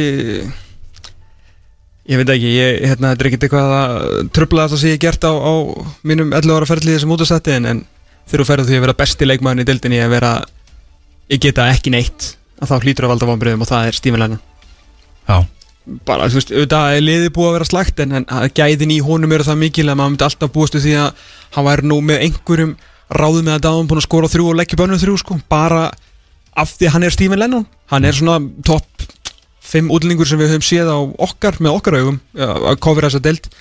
Og ég vil ofar sko, ég vil topp þrýr hann, hérna, hann hefur öllið auðvitað, ásamt öllu F-liðinu en hann alltaf var bara bar höfuð og herðar yfir alla í FH á síðustu leittíð og með að við droppið hjá, hjá honum þá er ekki hann hægt en að segja að hann hefur komið allir miklum ábreyðum mm Úlfur? Þetta, ég, þetta var alveg svona pínu flókið. Maður tekið nána sko einasta leikmann út úr þessu F-liði hérna, til þess að, til þess að, en ég ætla svona að henda allan að því þessu fyrra atkvæðinu mín á, á Gísla Ejjólfsson, mér finnst hann búin að vera freka slappur. Hérna, eh, hann er ekki búin að bera þetta lið á, á herðum sér eins og maður kannski ætlaðist til.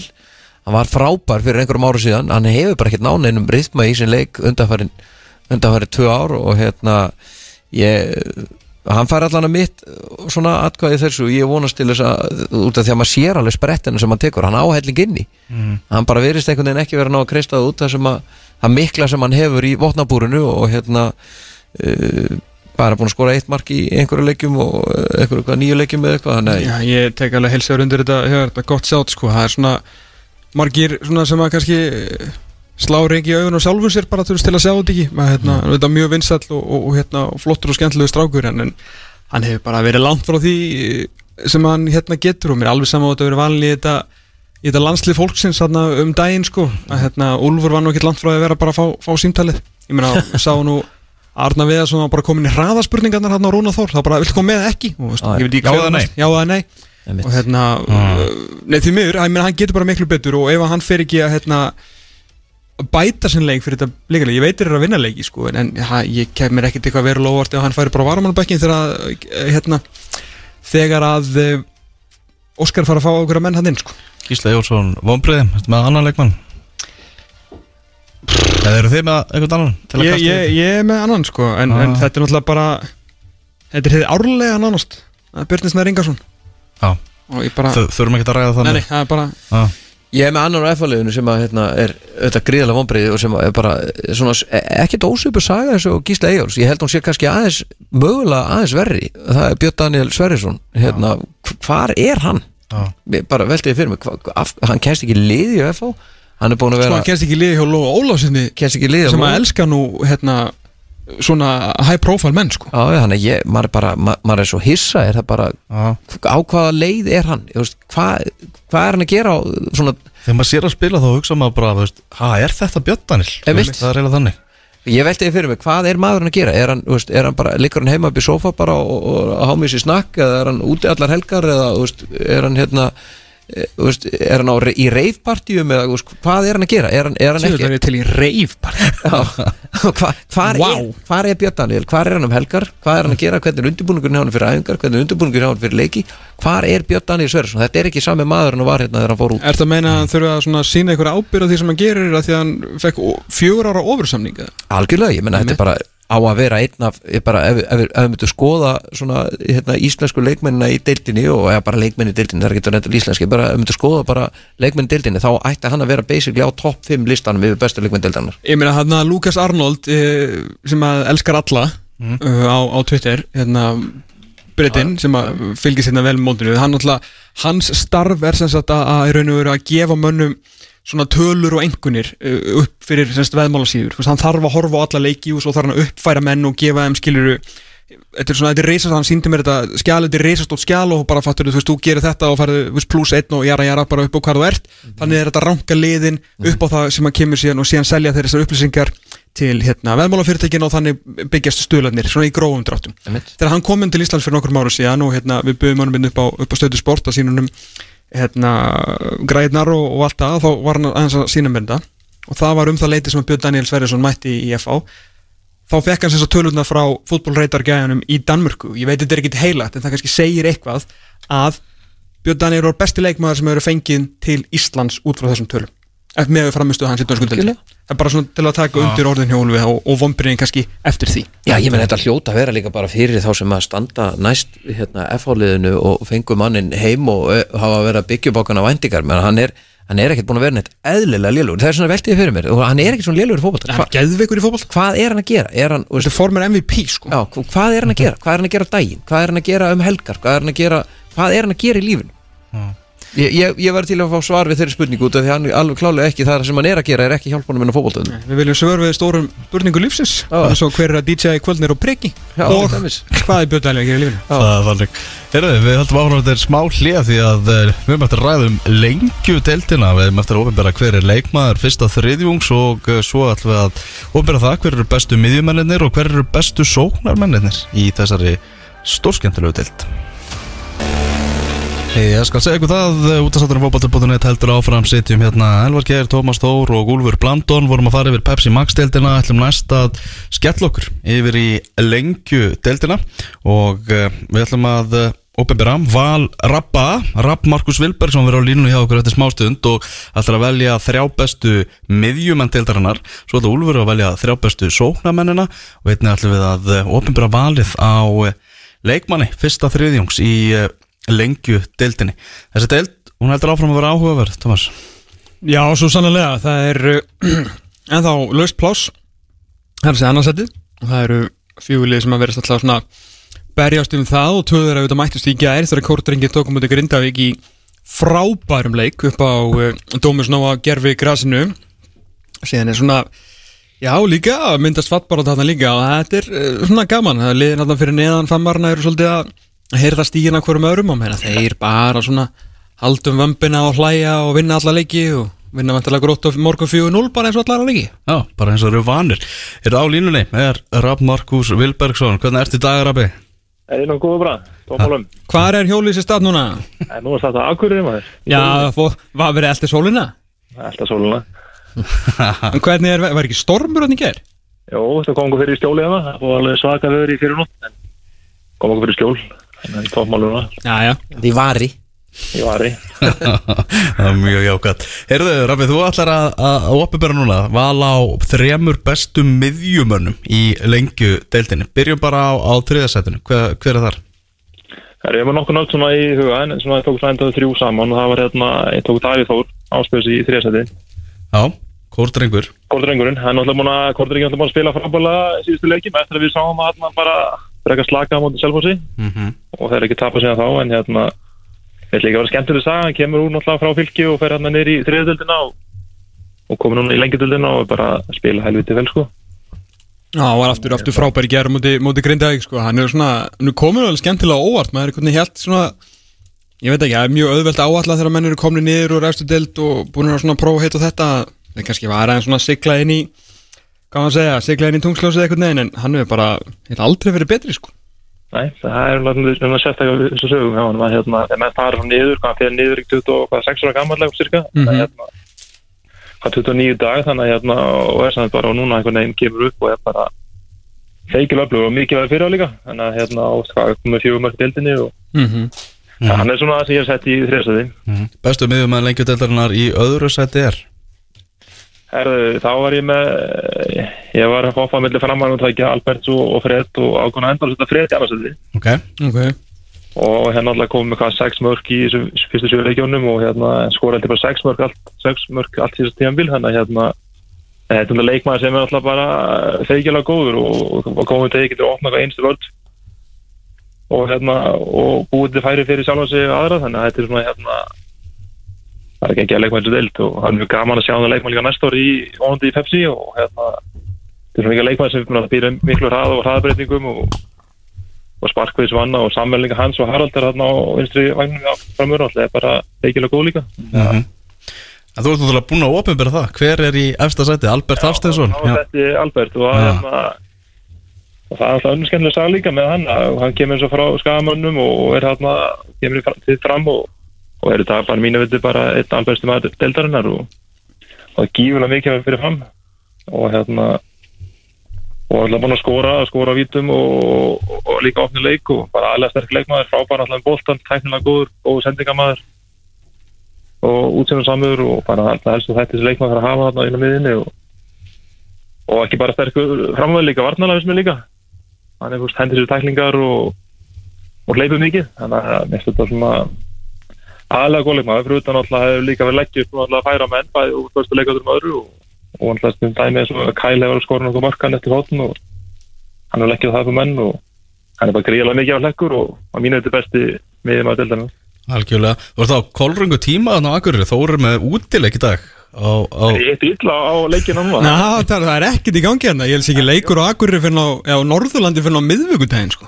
þetta er magnið að spila eftir en, hérna, Ló, já, já en það er hérna það er lítið annað í, í kortanum þannig að nefnum bara sólinn þannig að Það er alltaf sólinn Menn að koma við hérna hjá, uh, hjá hérna harfiskkonginum og taka hérna eitt hérna róðlusan fyrir mig. Bara Kipa hann með heim. Já, tjekka á því. Það væri helviti gott ef að heimi geti bergað því fyrir mig. Þú varst að samninga honum eða ekki? Jú, byttu fyrir þér, ég er bara vonast að það er nóg mikið pláss í bílnum kallar minn. Það er svolítið, það er nóg bárið í bílum að Já, já, hjólísum og svona sko. Já, Bestu guðin, bye bye. Bye bye. Bye Herru, eru þetta, voru þessi þrýr bestu miðjumendaldarinnar sem voru sess að í þessari röð? Nummer þrjú Davíð Þór Áspilsson, Kort Drengi nummer tvö Fred í fram. Og nummer eitt Albert Hafstensson fram. Eitthvað við út á þetta að setja já, uh, þínum makkar Nei, það er bara alls ekki sko. Var svona beintis að Úlfi sko. Já en Förum í hérna en voru, voru þeir ekki þrýr allir á listanum. Ég ætlaði að tengja þetta við Já, það Þeir eru náttúrulega allir þrýr e, voru hérna í kostningunni sem við stóðum fyrir núna í vikunni á fótbolta.net þar sem við spurðum umfæðla hver er leikmaður umferða 1-7 í lengjudeldinni og niðurstaðan í þessari kostningu var Hver á fjórði? að í fjórða sæti þeirri kostningu var Albert Hafstensson ok, umrættur ok. með eh, 13 eh, eða 14% atkvæða um það bil Uh, með tæplega 15% atkvæða var séðan Pétur Theodor í grótu sem að Ah. náttúrulega skoraði eins og enginn sé morgundagurinn. Í öðru sæti uh, Davíð Áspjösson í Kórdrengjum með tæplega 30% og síðan með það bil 42% atkvæða og vann þessa kostningu og er því leikmaður umfæra 1-7 í lengjudeldinni er brasilíumadurinn Fred hjá, hjá Fram. Og gaman að segja frá því að, að Brasilia tók virka þátt í, í þessari kostningu þar sem enda við get- lengjudeldin stór í Braslíu Já, nú er þetta að sjá allt á lengjudeldin.is þannig að Brasilíumennir geta líka fylgst með og fjöldi atkvæða kom frá Brasilíu einmitt, eh, Já. til Fred og það er bara jákvætt því að Já. Brasilíumenn með að sjálfsögðu líka taka þátt í kostningum hjá okkur já, bara frá Braslíu til Babylon það með allir, allir vera með Fred náttúrulega geggjaður leikmaður og bara vel að þessu komin ég hef sjálfur hins vegar valið Albert sammála því. Já, ég var alveg Albert hérna En einu svona hallar svolítið á varnamenn Það er eins og þeir fá bara ekkert að vera með. Fram að tala um Kyle McLachlan meðal annars og Já. bara búin að spila frábæla hérna, í, í, í liði, liði fram og hérna, þeir eru búin að fá sér fjögumörk sko. Já, þannig að hérna, mér finnst þetta nú svolítið illa að þeim vegið hérna, það er erfitt að taka eitthvað þessum útsatt sko. það er mjög erfitt en ég held að Kyle megin og alveg tróða sér inn á hana fjármannlista sko. Hérna, það var með þrjá framara sko, þetta, þannig að vera svolítið ske- ég skil alveg hvað það fara en að þeir eru búin að skora mest og fá þessi fæst sko. en samt er ekki framherji frá fram? Þáttur að skori sko lang lang mest í dildinni en hérna Talandi um það dreifast vel mörkin þar Talandi um það að það sé ekki framherri hérna í fram Mm. Uh, og við höfum talað um áður að heyrum það nú að sagða mér inn að þessu fannar að skoða einhverjar sóknarmenn bara fyrir næsta sumar í Pepsi Max deildinni. Mhm. en hverjir eru þrýr bestu sóknarmenn deildarinnar? Það var heimavinnan sem að Úlfur Blandon fekk Já, það er hérna ég var með svona það var nú einn af þeim á þessu lista sem að við hérna við, þú talar um núna þannig að viltu fá þetta í röð að við komum allir einu byrja eða- bara þrýr takk þessi að þrjá.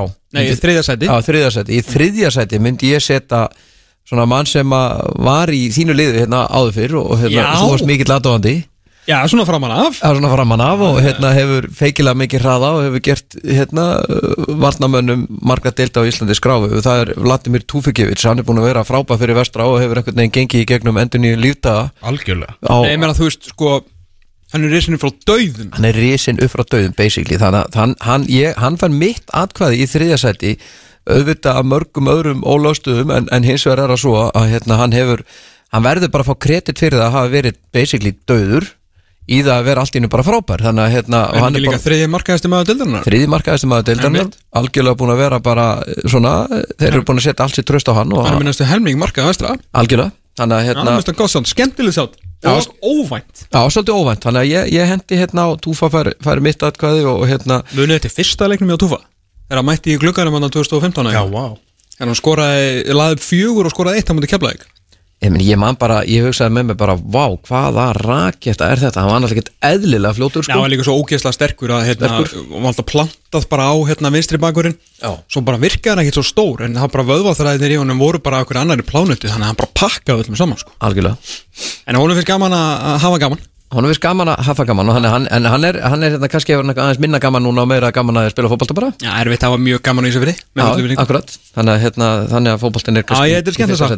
það var mjög gaman í þessu fyrir Já, akkurat, þannig að, hérna, þannig að fótboltin er Já, kannski ég, þetta er í skemmt fyrsta að sæti. Góð sjátt, skemmt annað sæti sem að er hérna uh, verður að vera og ég er svona kannski aðhyllist fótboltan sem að þessi ungi maður spilar og hann er ótrúlega dulur og vinnusamur og, og hérna sem hefur skilað sér í því að, að að hann er farin að skora mörg líka og hann er á réttu stöðum út af, út af feikilega mikill vinnusemi og ungur og efnilegur og er, er í Grindavík og heitir Sigur Bjartur. Ég, hérna, hann fær mitt atkvæði í annað sæti sem einna sóknumenn til þann ég var ekkit, maður var ekkit að fara einhverja hefðbundna leiðir. Nei, það hefði geta sveitastrækjarinn. hendi gumma makkja fram og svona, þú veist, það eru alveg leikmennarna sem eru búin að skora fullt af mörgum en, en, en Sigur Bjartur, sveitastrákur, það er ákveðin romantik í kringum hann og, hann Hann er sjö mörk í átta leikjum. Sjömörki áttalegjum og er bara að gera þetta vel og það sem að kannski er að fleita honum áfram er auðvitað bara þessi gríðarlega vinnusemi og dugnaður og hérna þú veist það að þú færð 100% framlega í hverju minnstaleik og það, að það uppskýri sjömörk og hérna feikilega góða spilumörsku fyrst með verðskulda það hann sé í öðru sætin í þessu Já, framherjavali. Kótsinn kann líka meta menn sem er að bæta sig. Ég meina hann er með 8 mörk í 19 leikjum í fyrra. Hann er komið með 7-8 núna sko. Það, algjörlega það fóra þessi töðarna sko á veit ég á svona grindvikingum heimamönnum. Náttúrulega þeir voru með gumma maggi í fyrra og þá var Sigurður Bjartur svolítið að stil, spila út úr sinni stöðu, það var að setja hann á kaptinn og svona. Það voru margir sem vildu fá hann bara upp á topp sko. Hann er komið þákað, þannig að Bjössi hefur hlustað á einhverja gagnirinsattir og hérna Og er að uppskýra er að uppskýra og það er auðvitað, þetta er auðvitað fallið saga. Út af þetta er strákur sem að hérna er, og ég bara er á þeim vagni að þeir sem eru tilbúin að leggja vinnun á sig og fá svo, og fá svo uppskýruna eru eiga, eiga skilir rórs og hérna þurfa að fá klappa bakið og, og hann þarf að halda áfram að vera spila sér leik og ekki fara út af honum og þetta bæta einhverju litla luti en, en frábærleik maður Í afsta sæti? Efsta sæti er auðvitað maðurinn sem að eh, verður var á þessum topp fjóri listaðu þér, Pétur Teator Átnarsson sem að hérna, er búin að spila frábælega fyrir gróttu og er greinilega eh, ótrúlegur hérna, eh, á, á síðust árum hefur, hefur ekki gert neitt annað heldur en að skora og kann hann bara manna best í deildinni, að skora, hvað er búin að skora tíu mörg ha, þannig að hérna, búin að vera algjörlega frábær spilar á sínu styrklegum, ótrúlega nasku fyrir fram að markið, náttúrulega geggjaður í fyrstu leikandröðum mm Er að skora alveg fullt með löppur er að skora, já, hann er náttúrulega er bara, hann er með góðan fót. Hann er hann er, hann er hérna hann er, hann er með góða stafsetningar, hann er með góðan fót og er hérna á bara allt róskili fyrir það að vera klálega besti strækarinn í, í fyrstu dild og mann er hlakar auðvitað til að sjá hver, hver ætlar að reyna að sækja hann og hver gefur honum að tækja fyrir til þess að spila í pefstildinni, það er það sem að ég myndi auðvitað sjá. Spurning hvort að framarar vilja fá hann því að framarar eru með besta markmannin í lengjudeildinni að, að mati þáttarins besta varnamannin, besta miðjumannin en engan á topp tvo þremur. bestu miðumennina Já, tvo bestu miðjumann og engan á topp þremur yfir, yfir sóknarmennina En þegar við, að- tölum saman eftir sko annan þriðjung að þá gætur, veist, með hvernig Gummi hefur verið að koma inn í þetta Já, að þá gæti Gummi verið að koma þangað sko. Algjörlega Jep. hann er hvað, sett hann fjúr í tveimur eða eitthvað, þú veist, þetta er alveg hann að það er ekki skæðilegt að þeir séu þarna á, á tónum. En hérna, Túfa 3 Sigur Bjartur Halsson 2 og Pétur Teodor Átnarsson eðlilega í, í eftir seti og þetta er með þrýr markaðistu leikmenn Deildarinnar. Já, skoðum aðeins ö, Nei, ég er bara svona kalla aftur til varnamanna þeir fáðu sinni sko. Það er búið að velja það. Í næstu kostningu, það skal ég hugsa sérstaklega til vartamann Bara fyrir þig. Já, eða ekki?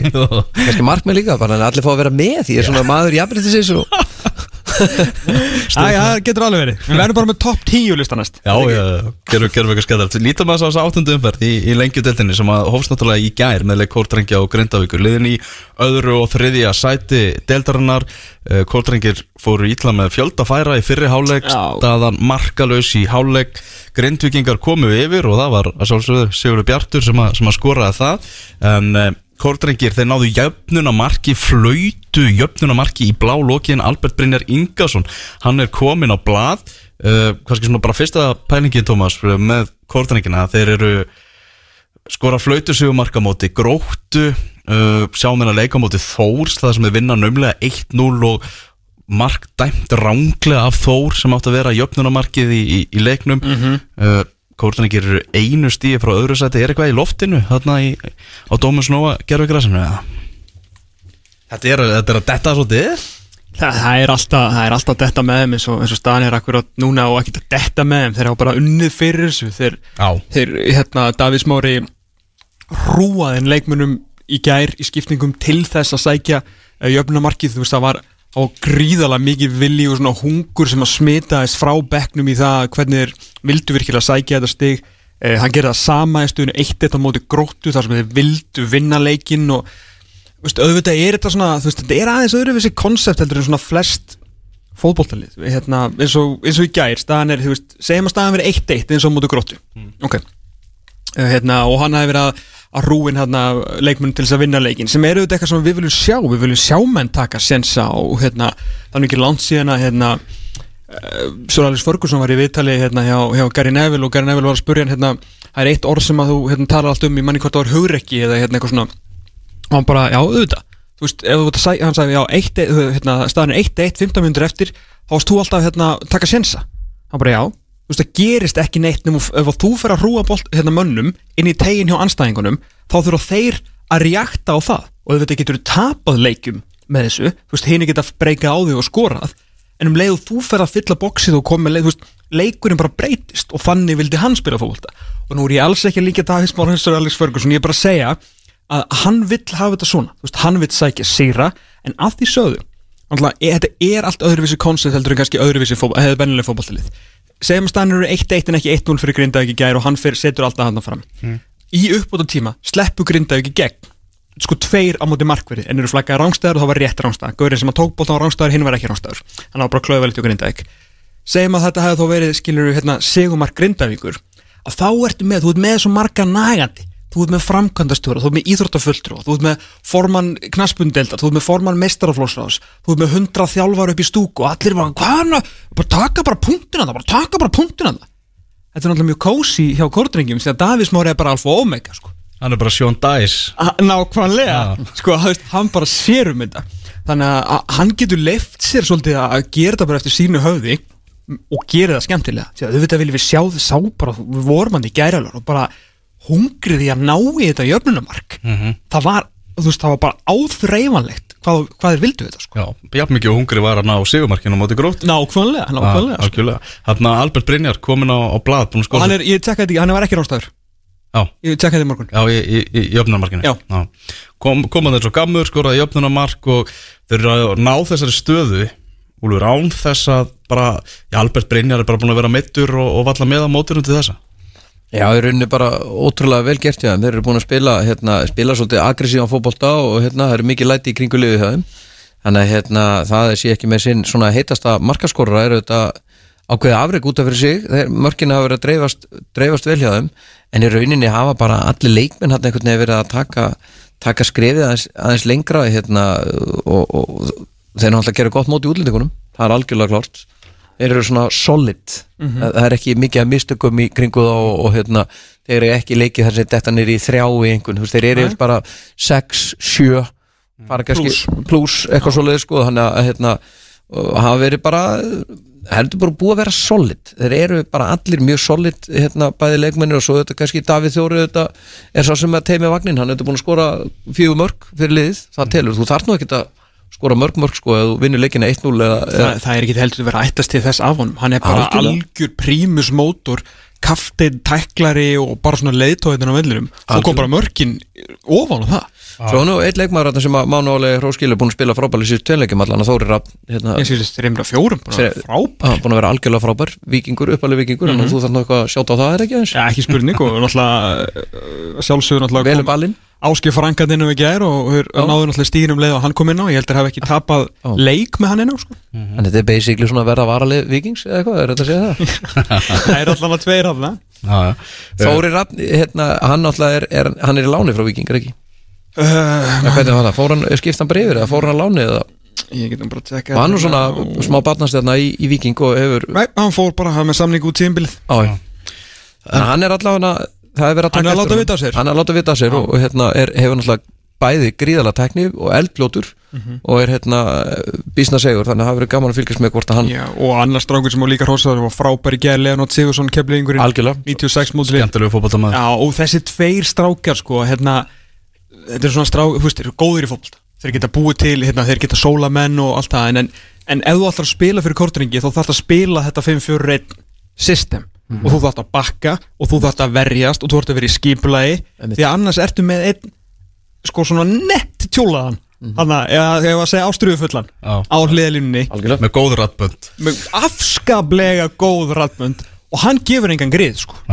Og, hérna, og það er, þú veist, svona leikstjórnunin og bara, þú veist, líka með þessa reynslu með- miklu með, og ert með ond og ert með hérna, hennan breyta hérna núna í, í að neðan deil í, í vörninni áskifra einhver alls menn sem kunna fótbolta. En, en hann er samt búin að kreista fullt út úr þessu liði og svona mm. þessi markurur uh, náttúrulega mjög flottur sko. Mm. uh, Verða þessi tvö lið bara í barátunum það að, að fara upp að, að lokum Allt til loka, Úlfur? Hvort drengir og grindaðeg ég hérna sko, ef maður, ef maður lítur aðeins neðar töflun og sér fjölinslið þá er maður þetta svolítið svektur þó svo sé nú ekkert langt í annarsætið fjölin er með 13 stig, þeir eru búin að skora 10 mörg og fá sér 6, þannig að þeir eru bara e eiga leikinni eiga leikinni, þannig að ég held að ég er svona, eh, ég veðjaði fyrir tímbilið allan á, á fjölinsliðum að þeir væru, myndu vera ofalega töflunni þannig að ég myndi en, ég ætla ennþá að hafa svona mitt atkvæði þar en ég ætla að segja það að samt að Grindavík og Kortin ekki verið þarna ofalega líka og topp fjórir, ég held að topp 5 hérna af þeim liðum sem er þarna núna verði bara mjög svipað, þetta verði bara bara fram á, fram á síðustu metran hver er alltaf að ná í annarsætið, fyrsta sætið er beisli gefið, það er bara farið. Já. og hérna, það er engin Þetta eru bara fjögur í barðunum mitt. Þetta þetta er bara fjögur í barnum mitt og, og hérna spurning hvað, hvað að þessu fjóru liðum? Ég, ég, ég set mitt atkvæð á fjölni.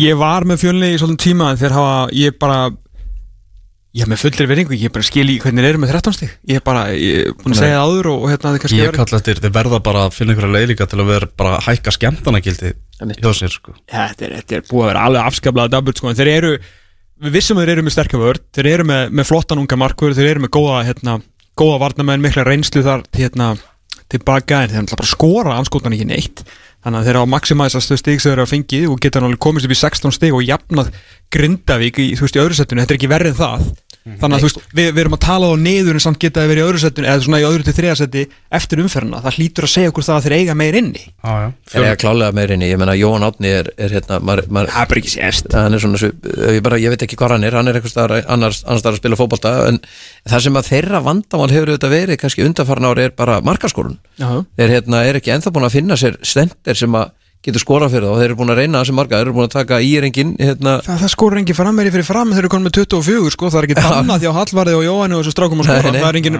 veist, en þeir vantar allan að fá mörg út úr andra frey sem kom frá afturöldingu, hann þarf að fara hann er alveg týndur þarna frammi sko. hann er alltaf, hann, hann þarf að Alveg. á Flandri. gjörsanlega á Flandri sko. Þannig að- En ég menna þeir eru ekki með neitt eins og Davíð Áspurs eða, eða Fred sem er að koma fyrir, aftur fyrir varnundar eða að taka skotur utan, það vantar þess að ógn bara, það er, það er bara mjög fall sko. en þetta grindaugli er flott sko. Já, já. Hérna, þetta, hérna, það var í fyrsta sinn sem ég sá það með berumögum á tímuli, ég mun að horfa á 2-3 leiki og lengi delspunktur sem er bara góðir sko. að, hérna, en þessi miðja í Tiago Sindra og, hérna, og, og Vati Halli Já, uh, svakalega góð mikið bolt í henni og alveg svona mótor í, náttúrulega aðdraðandina markinu sem að grindaði ekki skorar eða bara markið þráttur að slúti hafi verið svona á skítu að sexinu sveitalegt hérna finish hjá, hjá Sigurði sem var ótrúlega vel gert hjá boltin var fyrir aftan hann þegar hann náði einhvern veginn að koma um netið en þú veist hérna Marino á, á á Aron, hann á Tiago sem hann dansaði fram hjá það með vörðinni og þetta var afskaplega flott sko. Að hérna, síðan alltaf með, með Seba og, og, hérna, fínan í stráki markinu alltaf, en það er svona og Díon Ottur Ingi líka það er alveg fullt af góðum Þetta er leikum rosalega mikið að hlaupa mönnum. Þetta, er- þetta er lið sem er alveg En- ótrúlega duglegt. Já, en ofan á það gríðarlega mikill fótbolti inn á liðinni og ég veit ekki, auðvitað voru að spila mútið kórdrengjum í breiðoltun í gær og þú veist að það verður þú veist að það verður töff. Mhm. og er kannski ekki endilega að reyna að fara að dansa í gegnum þessa svakalegu blokk kórdrengjina sko. en, en með við þessa miðju þá þú veist, þeir voru með konum með smá hólsrík hérna svona framan af, það var aðeins verið að sporki við þá sko. En, hérna, en þetta er lið sem að Mhm. ég grinda ekki til að svara uppalega spurningunni við erum klálega í baratunni fram í, just, í Algjörlega. 22 fyrir sko. því. flott lið Fjölnir og Þór mætast í dag klukkan fjögur á morgun er það gróta og fram í hádeginu Þór og gróta, náttúrulega þau eru bara búin að stimpla svo út mikil vombrið fyrir þau að vera bara ekki lengur með í mótinu og, og það til dælu að nýbyrja Já, og Gústi stemplaði út fyrir tveimurum fyrir sko. Sem er kannski spesið grótið, þetta er auðvitað sama lið og bara flög upp úr fyrstöldin Ég held að séu allan mann að missa leikmann hann síðan. Fór einn í vikingan hérna Axel? Axel, er það ekki bara eina sem er farið á einhverju viti fyrir, þegar liðið fór, flög upp úr fyrstöldinni Mhm. Ég held að hann að svona, það var það einhvern veginn uh, vantar einhvern veginn hérna, uh, þeir þurfa að fara að skila einhverju stigum og, og, og sækja, sækja einhverja sigra. Ég, hérna, uh, ég meina Kristófur Orri er, hérna, er hann að fara að vera þarna fram eða er hann að fara eitthvað eða eru menn konum með hugan eitthvað annað Það er alveg Pétur leikmaður sem er svona að horfa í, í, í glugganum sko. Já, hann að, er, eru þeir kannski Þú veist, þeir eru með Valdi Má, Úlfur Dagur er á Einmitt. Ak Axel Sigur á bekknum í þessum leik sko. eða semst í síðasta tapleika mútið grinda kannski þeir tapa 3-1 bara svona Mhm. eh, með tvei mörgum í, í uppbútu tíma þannig að þetta er svona, þetta er ekki alveg að ganga á grótinu og Og Oliver, ég- ég var- Sjöfus, hann, hann var frábær hann Já, frábær, sko. ég, ég var aldrei í, í sekundu var ég að því að gróta að færa upp úr þessari deild. Uh, þrátt fyrir að, veist, alveg þá að einhverju bent á þetta svo segir að þeir hafa ekki mist mikið sko. mhm. Ég var svona með þá í fymta hana kannski rétt fyrir aftan þessi helstu lið. En þeir eru með sko, þeir eru með átta stig eftir sjö leiki er að fá veist, eitthvað, eitt og eitt raut spjald mörk á sig upp út á tíma þetta er ekki alveg stemningin er svona blaran alveg sprungin eða kveld sprungin sko. Já, og lítið að Já. frétta á þóssurunum sumu leiðis og bara Monteo að fara og þeir eru bara svona að pakka saman einhvern veginn Já, Alvaro Monteo er held ég eini hérna eini spánverinn sem að eh, ég held að svona af þessum af þessum lengju gullurum sem við höfum verið að sjá sem hafa reynd fyrir sér í, í eftir deild, ég veit að hann var með IBF hann 2014 eða 15 hann kort sko. Og hann náttúrulega kom upp alveg til fylgis en svona, veist, eftir að hann komst aðeins í betra svona, fór að vera kunnugur staðhóttum og fór aðeins að kynast landinu og boltanum betur. Þetta er svona gæði sem að ég hefði viljað sjá í, í eftir deild. Veist, að hann, mér finnst hann mér finnst hann miklu betri heldur en Gonsi og Sito og þessi gæðar mér finnst hann miklu betri þetta sko Uh, talandi um Gonsa og Sito og þessa gauðra uh, það er mjög áhugaveru leikur á morgun uh, vestri á móti IPVAF má segja að þetta séu á samanvöldu með já, á sama völlum það verður bara enga þóta þarna, sem að eigandis blæsir í á Ísafjörð. Og þarna þetta eru tvö lið sem eru hvað getur ekki bara sagt heit? Ég meina, IBF er með fjóra seri síðustu fimm þrátt fyrir þetta ævintýrlega tap í, byggarnum og það er eins gott þeir rífis upp á því því það var ekki eins og þeir var að kvíla eitthvað mikið sko. Nei, bara Arnar Hallsson tók bara að helga sig í uppgjöri hérna gamlu leysfélagana og gamlu vikingana og pekkaði hann saman sko. Pakkaði hann saman. Þannig að hérna já, hefði þurfa að vera fljótur að rífa upp á þessu þetta er ekki eins og allir vita léttu leikur að fara hérna á, á túnið fyrir vestan sko. Nei, Þetta heldur gæti betur að vera áhrif, þetta er, þetta er áfall. Þetta móti er rosalegt áfall maður. Það er eitt að lendi í einhverju köpsetti ef að þetta er 0-0 og hérna Arnar Hallsson kemur sjálfur inn á og skallar inn inn í á 93 þess hefur bara átt ekki breyk sko. Já, spurning hvort það hafi bara verið eitthvað andlegt að þeir hafi bara einhvern veginn ekkert nefnt að gýra sig upp í það að þú, fara í þú ert í IBF þú heitir Sito, þú heitir Gonsi þú heitir Eiður Aron, búin að vinna Íslandsmyndstara til hérna ár eftir ár og þeir eru búin að vera í Pepsi-dildinni og það er alltaf að spá okkur upp og þú veist, þeir eru komin á smá flug svo einhvern veginn stend Lok, já, loks er komin jákvæð umræða eins Já, og ég, ég er að meina að skilja, þú veist, Já. það er svo auðvelt að lenda ykkur vannmati, þú sérð hérna IBF á tjestinu og svona síðan allt í hennu stendur á okkur um gerfigrasvelli og þú ert að horfa á hraðbraut á okkur um berangri, sko. Var þetta ekki á grasinu og ég þú veist, ég segi Nei, þeir eru konur á gera Nú er þið búin að flytja sér þangað? Já, bara eru bara komnir í búrið bara. Ok, þannig að Arnar er búin að taka af grasinu yfir vitið spila, hún spila fótbolta? Eðlilega, saman gera í afturlendingu Þið fatti hvað er að fara? Einu, eina náttúrulega bara aðstæðan er bara ekki bóðuleg hérna. Þú veist fyrir áhörfundir Það. Þeir Það allavega voru eru auðvelt hjá IBF að meina detti vannmat einhvern veginn, þannig að það voru bara teknir, teknir á því sko. En hérna það er eins gott fyrir IBF að vinna leik sko. Það er bara Þeir vestri með túfa. Vestrið með túfa. Og, og vestur með þrjá sigra í röð við tökum byggarleikin líka með á móti afturhaldingu uh, Já, það er, það er rétt höður sko. En hérna, uh, hver er vestrið vann núna síðast? Ólafsvík. 3-0, pakkaði saman, þessu túfa með tvö ára ekki? Jú, já, Ólafsvík og afturlendingu Já, Og er vestri eitthvað er Ignacio þarna Gil sem að var í Þóri fyrra? Já, já, þú Hann að fullt af geggjaður, flottum leikmennum sko, þannig. En ég er að að mann bara deildarinnar í fall. Sigrætnir fjóra hjá, fjóri hjá vest Sigrætnir fjórir hjá uh, vestra eru á móti hérna, hver er unnur eftir fyrstu umfyrinni Selfossi, þeir eru búin að vinna Selfoss Þrótt, Afturheldingu og uh, Ólasvík og Ólasvík leið til dæluna Já, þetta eru fjögur næstu liðin sko. Þannig að þeir þurfa svona ég veit veist eru ekki, er ekki allir að því að þeir vilja fyrir upp eða? Vestri? Já. Sami vill alltaf Já, Ok, ok, þannig að, það- þannig að þeir, þeir þurfa sem sagt að Þetta er leikurinn, Já, veist, þá þurfa að, Þetta halda, veit þá þurfa að vinna einmitt eitthvað þessum liðum, sko. Algjörlega klára á heimavelli og, og þeir eru svona hafa verið í því að byggja til, byggja til reyna að búa til einhverja grifið, töpu eitthvað nöfnlega á múti grinda eitthvað einhvern veginn í fjóruðum fyrir eitthvað En það er uh, Hoots leikur hérna eftir augnablik. Þeir eru byrjað að hita upp, við sáum hérna fyrir aftan okkur. Þróttur afturhalding Já. sem byrja núna klukkan 2 Já, afturleik með 6 stig í 9. sætinu og þróttur með 4 stig í 11. sætinu. Bæði lið búin að vinna einn fótboltaleik. Uh, pff, sko, ég veit ekki, hvort meginn eru vonbreiðin meiri? Ég, ég myndi segja ég er náttúrulega er að sko við höfum talað um þetta áður bara svona fyrsta skipti þegar maður byrja að tala um þrótt að þetta er náttúrulega alveg risa klúpu með ég veit ekki hvað ekki risaklúpur, en... Já, ég veit, það er allavega með þú lítur yngri flokkana Fjölmennasti klúpur eitt fjölmannsti Ma- ma- klúpu margir landsins iðkendur, já. Já, og þá, þá ertu nú helviti stór en ef þú ert með marga yðkendur, Mm. Þá getur nú lamið á brjóstið og sagt, heyrðu, við erum hérna með 900 yðkendur og við erum að geta búið til að minnstakosti fjóra frábæra leikmenn sem skilur sér upp í meistarlokku hverju einast ári. Mm -hmm. þannig að hérna, þeir eru ekki að standa undir þeim væntingum. Kæðjan er eitthvað að slitna. Kæðjan er einhver staðar að slitna, það er einhver staðar ómikið, það hefur verið á hendi ómikið eitthvað gaman og, og, og grín og glens og eitthvað, en, en hérna. Það var nú bara hérna póstur sá ég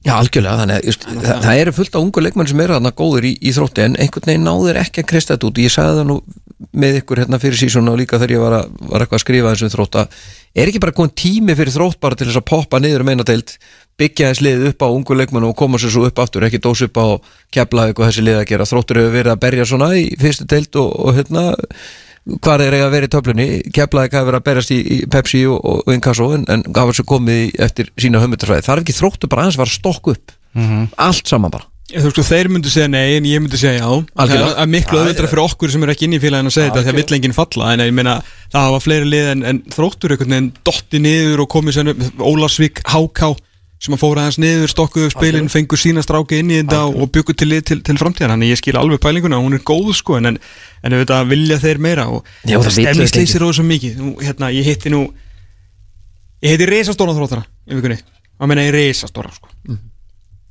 Og stemningin er þannig að stór kjarni hérna, stundismennar þróttar nú hættir að nennan mæta á leikina. Nú eru allir konur bara yfir á hérna, stelpuvagnin Já. mæta þar og fylgja þeim bara hvert á land sem er og hérna, eru komin bara að stiga stelpunar sínar en uh, bara þeim er alveg saman kallar leginu Bara að gefast upp bara að gefast upp. Já.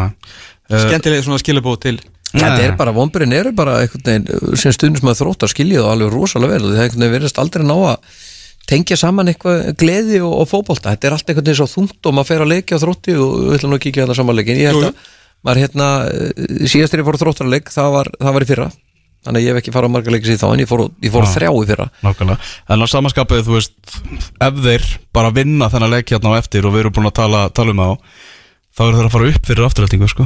Já, Já, þetta, þetta er reysastórt fyrir Magga líka hann þarf að fara að vinna ykkur á fótboltalegi það er ekki Já. nóg að, hérna, að spila þennan fína bolta og þeir verða að fara að verjast áfall fyrir það að spænski markurinn eða mittist og hann verður frá næstu vikur Já, það er algjörlega, en, en þú veist, varnarleikurinn þarf líka að vera betri á þessi miður, ég finna mörkin sem voru að fá sig á móti á móti Selfossi í síðasta leik veist, getur ekki verið að fá þig þrjú mörk á móti Selfossi þegar þú ert að skora sjálfur þrjú falleg mörk sko. það er fullt gott að gera fram á því þessu hérna, afturlendingliði samt sem þú gætur skora meira, það er ekkert að nýta svona tækifæri sín alveg nógu, vel en, en varnaleikurinn er bara, er bara ekki bóðlegur ofta á, ofta á tíðum sko. og þetta er alveg, þetta er ótrúlega stór leikur fyrir bæði lið sko. Það er eiginlega meiri spenna hérna neðri, niðri heldur en hérna uppi maður veit að það hefur verið rosa spenni mannasettið mm -hmm. fyrsta setið er basically farið en, en sko Selfoss, Víkingur og Þróttur Afturölding, Þór og Gróta getur öll að hæla svoðast alltaf niður og eru svona að spila svolítið á svipuðu galabri sko. Það er náttúrulega annar líka einbyrðis fallbaratu slagur Selfoss Víkingur Ólásvík sem að eh, hefst núna klukkan 2 á, á Selfossi. Þegar Herri- Víkingur Ólásvík var að tapa fyrir knastbyrðu félaginu framherjar og smástund. Vöðminn Þeir voru að tala um það í ástriðinu hversu ævintýrlega slök þriðatildin væri. Þeir eru ekki neðstir Jú, þeir eru næðstir í þeirri deild þeir vinna Víking Ólafsvík í byggjarnum sláða út, Víking Ólafsvík er ekki búið að vinna leik í deildinni. Uh, er þetta ekki bara síðasti sjans eins þetta að vera að segja uh, elska Gunna Einars toppmaður, já, gerði frábæra hluti í breiðoltinu hjá leikni og allt það. Þetta hlýtur að vera bara hans síðasti sjans í dag á móti Selfossi. Já, það er mér á óvart að hérna, fyrst þeir eru að fara í lið sem er ekki kannski á, á mesta rönnu sem er Selfoss að hann hefði jæfnvel verið látin fara fyrir þennan leik til að reyna að fá svona stemninguna með nýjum stjóra og reyna einhvern veginn að að græða þrjú stig bara á því en, en, en ég meina, hann getur ekki verið mikið lengur er verða hérna ef verða 0-1-7 eftir, eftir áttaðum fyrir sko. En ef við snúum þessu við og segjum að ef, að- ef að Víkingur bara ákveður á Gunni Einars ákveður að skelli sigur hvað er það að frétta með, með Selfoss? Ég, ég talaði um þetta með síðast. Ég, veginn Mér finnst svolítið skrítið hvað Dín Martin virðist vera einhvern veginn í bara niður njörfaður í örgusætið það Finnst mér, með að við gengi leysins Já, og kannski líka bara fótboltur er að spila það er einhvern veginn það er, maður verðist vera engi svakara stemningar þetta verðist alltaf ná að kristja eitthvað út Kari Martin núna með að hendi tókið þetta bekkin Já, hörru, það var hérna, það var fyndið.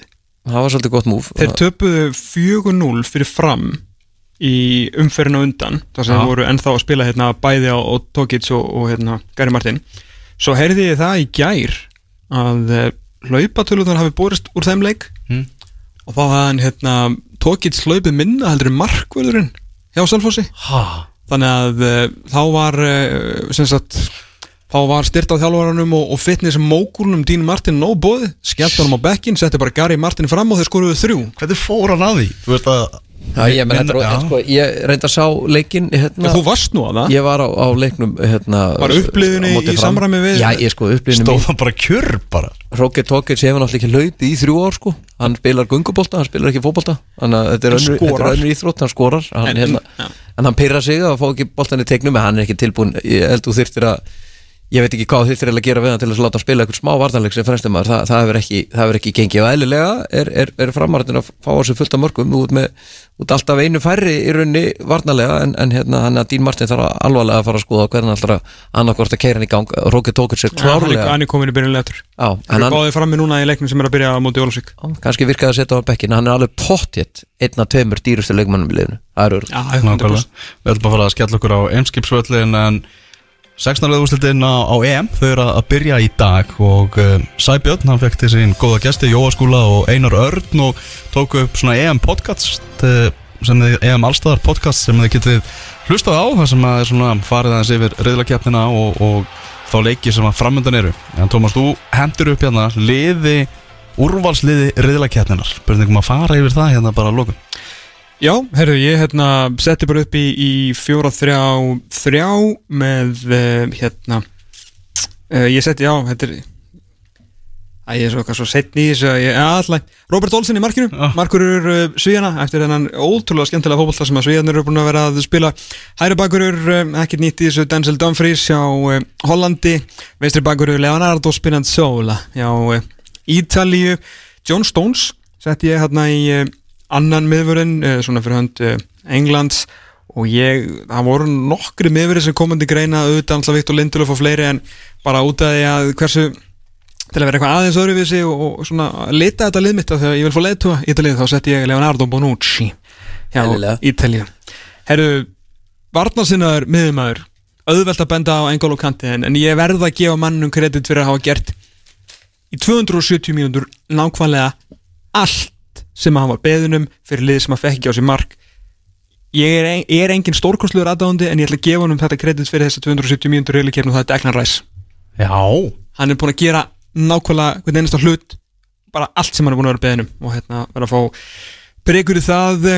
Átturnar fyrir framann hann eru annars vegar Paul Pogba hjá Fraklandi og Gini Wijnaldum mér er alveg sama þó hann hafi verið í einhverju fjölskyldu hústrækjars e, reyðli að hann skoraði eitthvað þrjú eða fjögur mörg og bara frábær sko. Þannig að hann er alltaf hann í liðinu hjá mér. Á hæri vagnum er Cristiano Ronaldo og e, vinstra megin vinstri kantmaðurinn sem kemur nú mikið inn á miðuna en er samt á vinstri kantunum hjá, hjá hérna, Svíum, Emil Forsberg. Hann uh, spilaði varnarleikin stórkostlega þarna móti Spáni og svo þurftu, þegar hann þurfti að fara aðeins framar og fara að gera eitthvað það sem hann gerir að fara að skora mörg þá gerði það líka, hann, hann var algjörlega frábær fyrir Svíina, hann er Ronaldo og Emil Forsberg er á kantonum og frammi er uh, það er bara besta nýjan í uh, heiminum í dag, allavega Európa-bóltanum Romelu Lukaku. Heldur betur öflugt lið. Það er mjög smitt eða best. Já, það sem ég sé. Af öllum úrvarsliðunum var þetta það besta. Takk. Það var bara þannig. Úlfur, hver eru þínu menn hann á, á EM Allstar? Herðu, ég er nú búin að vera ólst upp við það að hérna, vera mikill aðdáðandi í Ítalju og hérna, eh, þegar ég var ungu drengu þá var ítalska deildin hérna, tölvört kannski framari allan á, jöfn, á pari við ennsku úrvarsdeildina Langt fyrir hún Miklu. Er það ekki, já, já, þannig ég, ég, ma- maður nú ekki svona langt aftur en Yfirbúradeld Já, yfirbörutild, ég hérna uh, hvað, ég fekk síðast titil 2006 heimsmeistaratitil með, með Pirlo á miðunni og hérna, þannig ég er alltaf að býða og vona að þeir nái öðrum, öðrum. Þeir er ekki, hvað, hvað er 1968 sem þeir tóku Europatitil, það er Já, það ekki, er ekki þér. Ég held að það sé rétt að mér en allan veit ég það að þeir tóku titil síðast 2006 og þar á undan EM 1968, ég var eitthvað ég googlaði þetta um daginn, mér langaði til að vita hvað var að langa þýrt ég eiginlega að býða lengi Þannig að ég, mínu menn eru ítalir, ég hérna, er virkilega hrifin að þeirra hugmyndafræði núna, Roberto Mancini verðist að eru búin að gjör breyta ítalska stilum sem að var hérna, leikið tilbaka og sækja rætt og þetta, rosalega einfaldi fótbolti, hann er komin svona meira í alls konar þverlöp og, og hérna, uh, sækja í ákveðin svæði og, og réttu kanalina og svona, þannig að þeir eru að spila feikilega skemmtilega bolta fyrst mér. En það er leiðilega við þetta mót núna. Ég veit að hérna, 16 lusturinn að byrja og hérna, ég er búin að sjá hvað þennasta leik og haft gagn og gaman að uh, Í þessu dæmi hérna, sko ég, þessi 16 lustur raðast fáranlega Ég ætla að nefna núna nokkuð fótballtali fyrir ykkur. Belgia, Portugal, Ítalía Frakland, Kroatia, Spán Þetta eru sex fótballtalið Aðeins eitt af þessum liðum mun spila úrslutaleikinu við Já. Hinum einn England, Þískaland, Holland. Eitt af, þú veist, ok, Danmörk Svíþjóð, Úkræna Tjekkland, Wales og Danmörk eru öll hinum einn Þannig að, þú veist, efri bracketin þú ert bara basically með kremdilega krem þar og svo nánast rest og rusl hinum einn fyrir utan, þú veist, England og, og Þískaland og Þískaland er ekki svona það gott, sko. Þetta er náttúrulega alveg stórkostlega galið, sko. Já, þetta er ógstlega skriðið ég meina þú veist við erum að tala um það í, í undanúslit fara bara hérna fara bara tvö af þessum sem ég taldi upp sko. þannig að ég veit auðvitað þarf að vinna þá bestu og allt það en þetta er, það er aðeins og mörglið að fara heim núna í 16 úrslit hérna 16 og 8 úrslitum sem ég er ekki ánægð með sko. Nei, saman því Vels Danmörk og Ítalía Östuríki er í dag Holland, Tjekkland og Belgia Portugal á morgun Úff, á mánudag. Kroatia Spátn og Frakland Sviss og svo líku 16 úrslitunum á þriðjudag England, Ískaland og Svíþjóð Laumaði. Gunni sér bara inn í EM-spána það er ekki talað um hann í textanum en svo kemur spá frá honum Nei, er alltaf frá einu starfsmanni fótballtabóttir Já, gaman. Já, svona random. Heru, Við vorum allir með 3-0 Nei, gummi var með 2-0 Það með 2-0 á Ítalíu. Já, Já, já, já. Já, það er það Ég, ég verðaði ekki en ég er mest að trúa Gummi í þessu. Já, ok. Býðum og sjáum heyrðu, Erum við frábæð þáttur að baki. Við ætlum að henda okkur hérna niður á uh, Eimskipsvöll, láta hvort að uh, þróttur eða afturlýting fara að vinna einhvern uh, fótballtaleik Úlfur, takk hjá það fyrir komin, hrikalega gaman að vera með hérna í, dag. Við fórum með Pepsi Maxi, við fórum með lengjuna. Þetta kemur allt inn á vísi og sömulegis inn á podcast fóritum viða veröld, við verum með aftur eftir 6 daga og 22 tíma, þangað til, verið sæl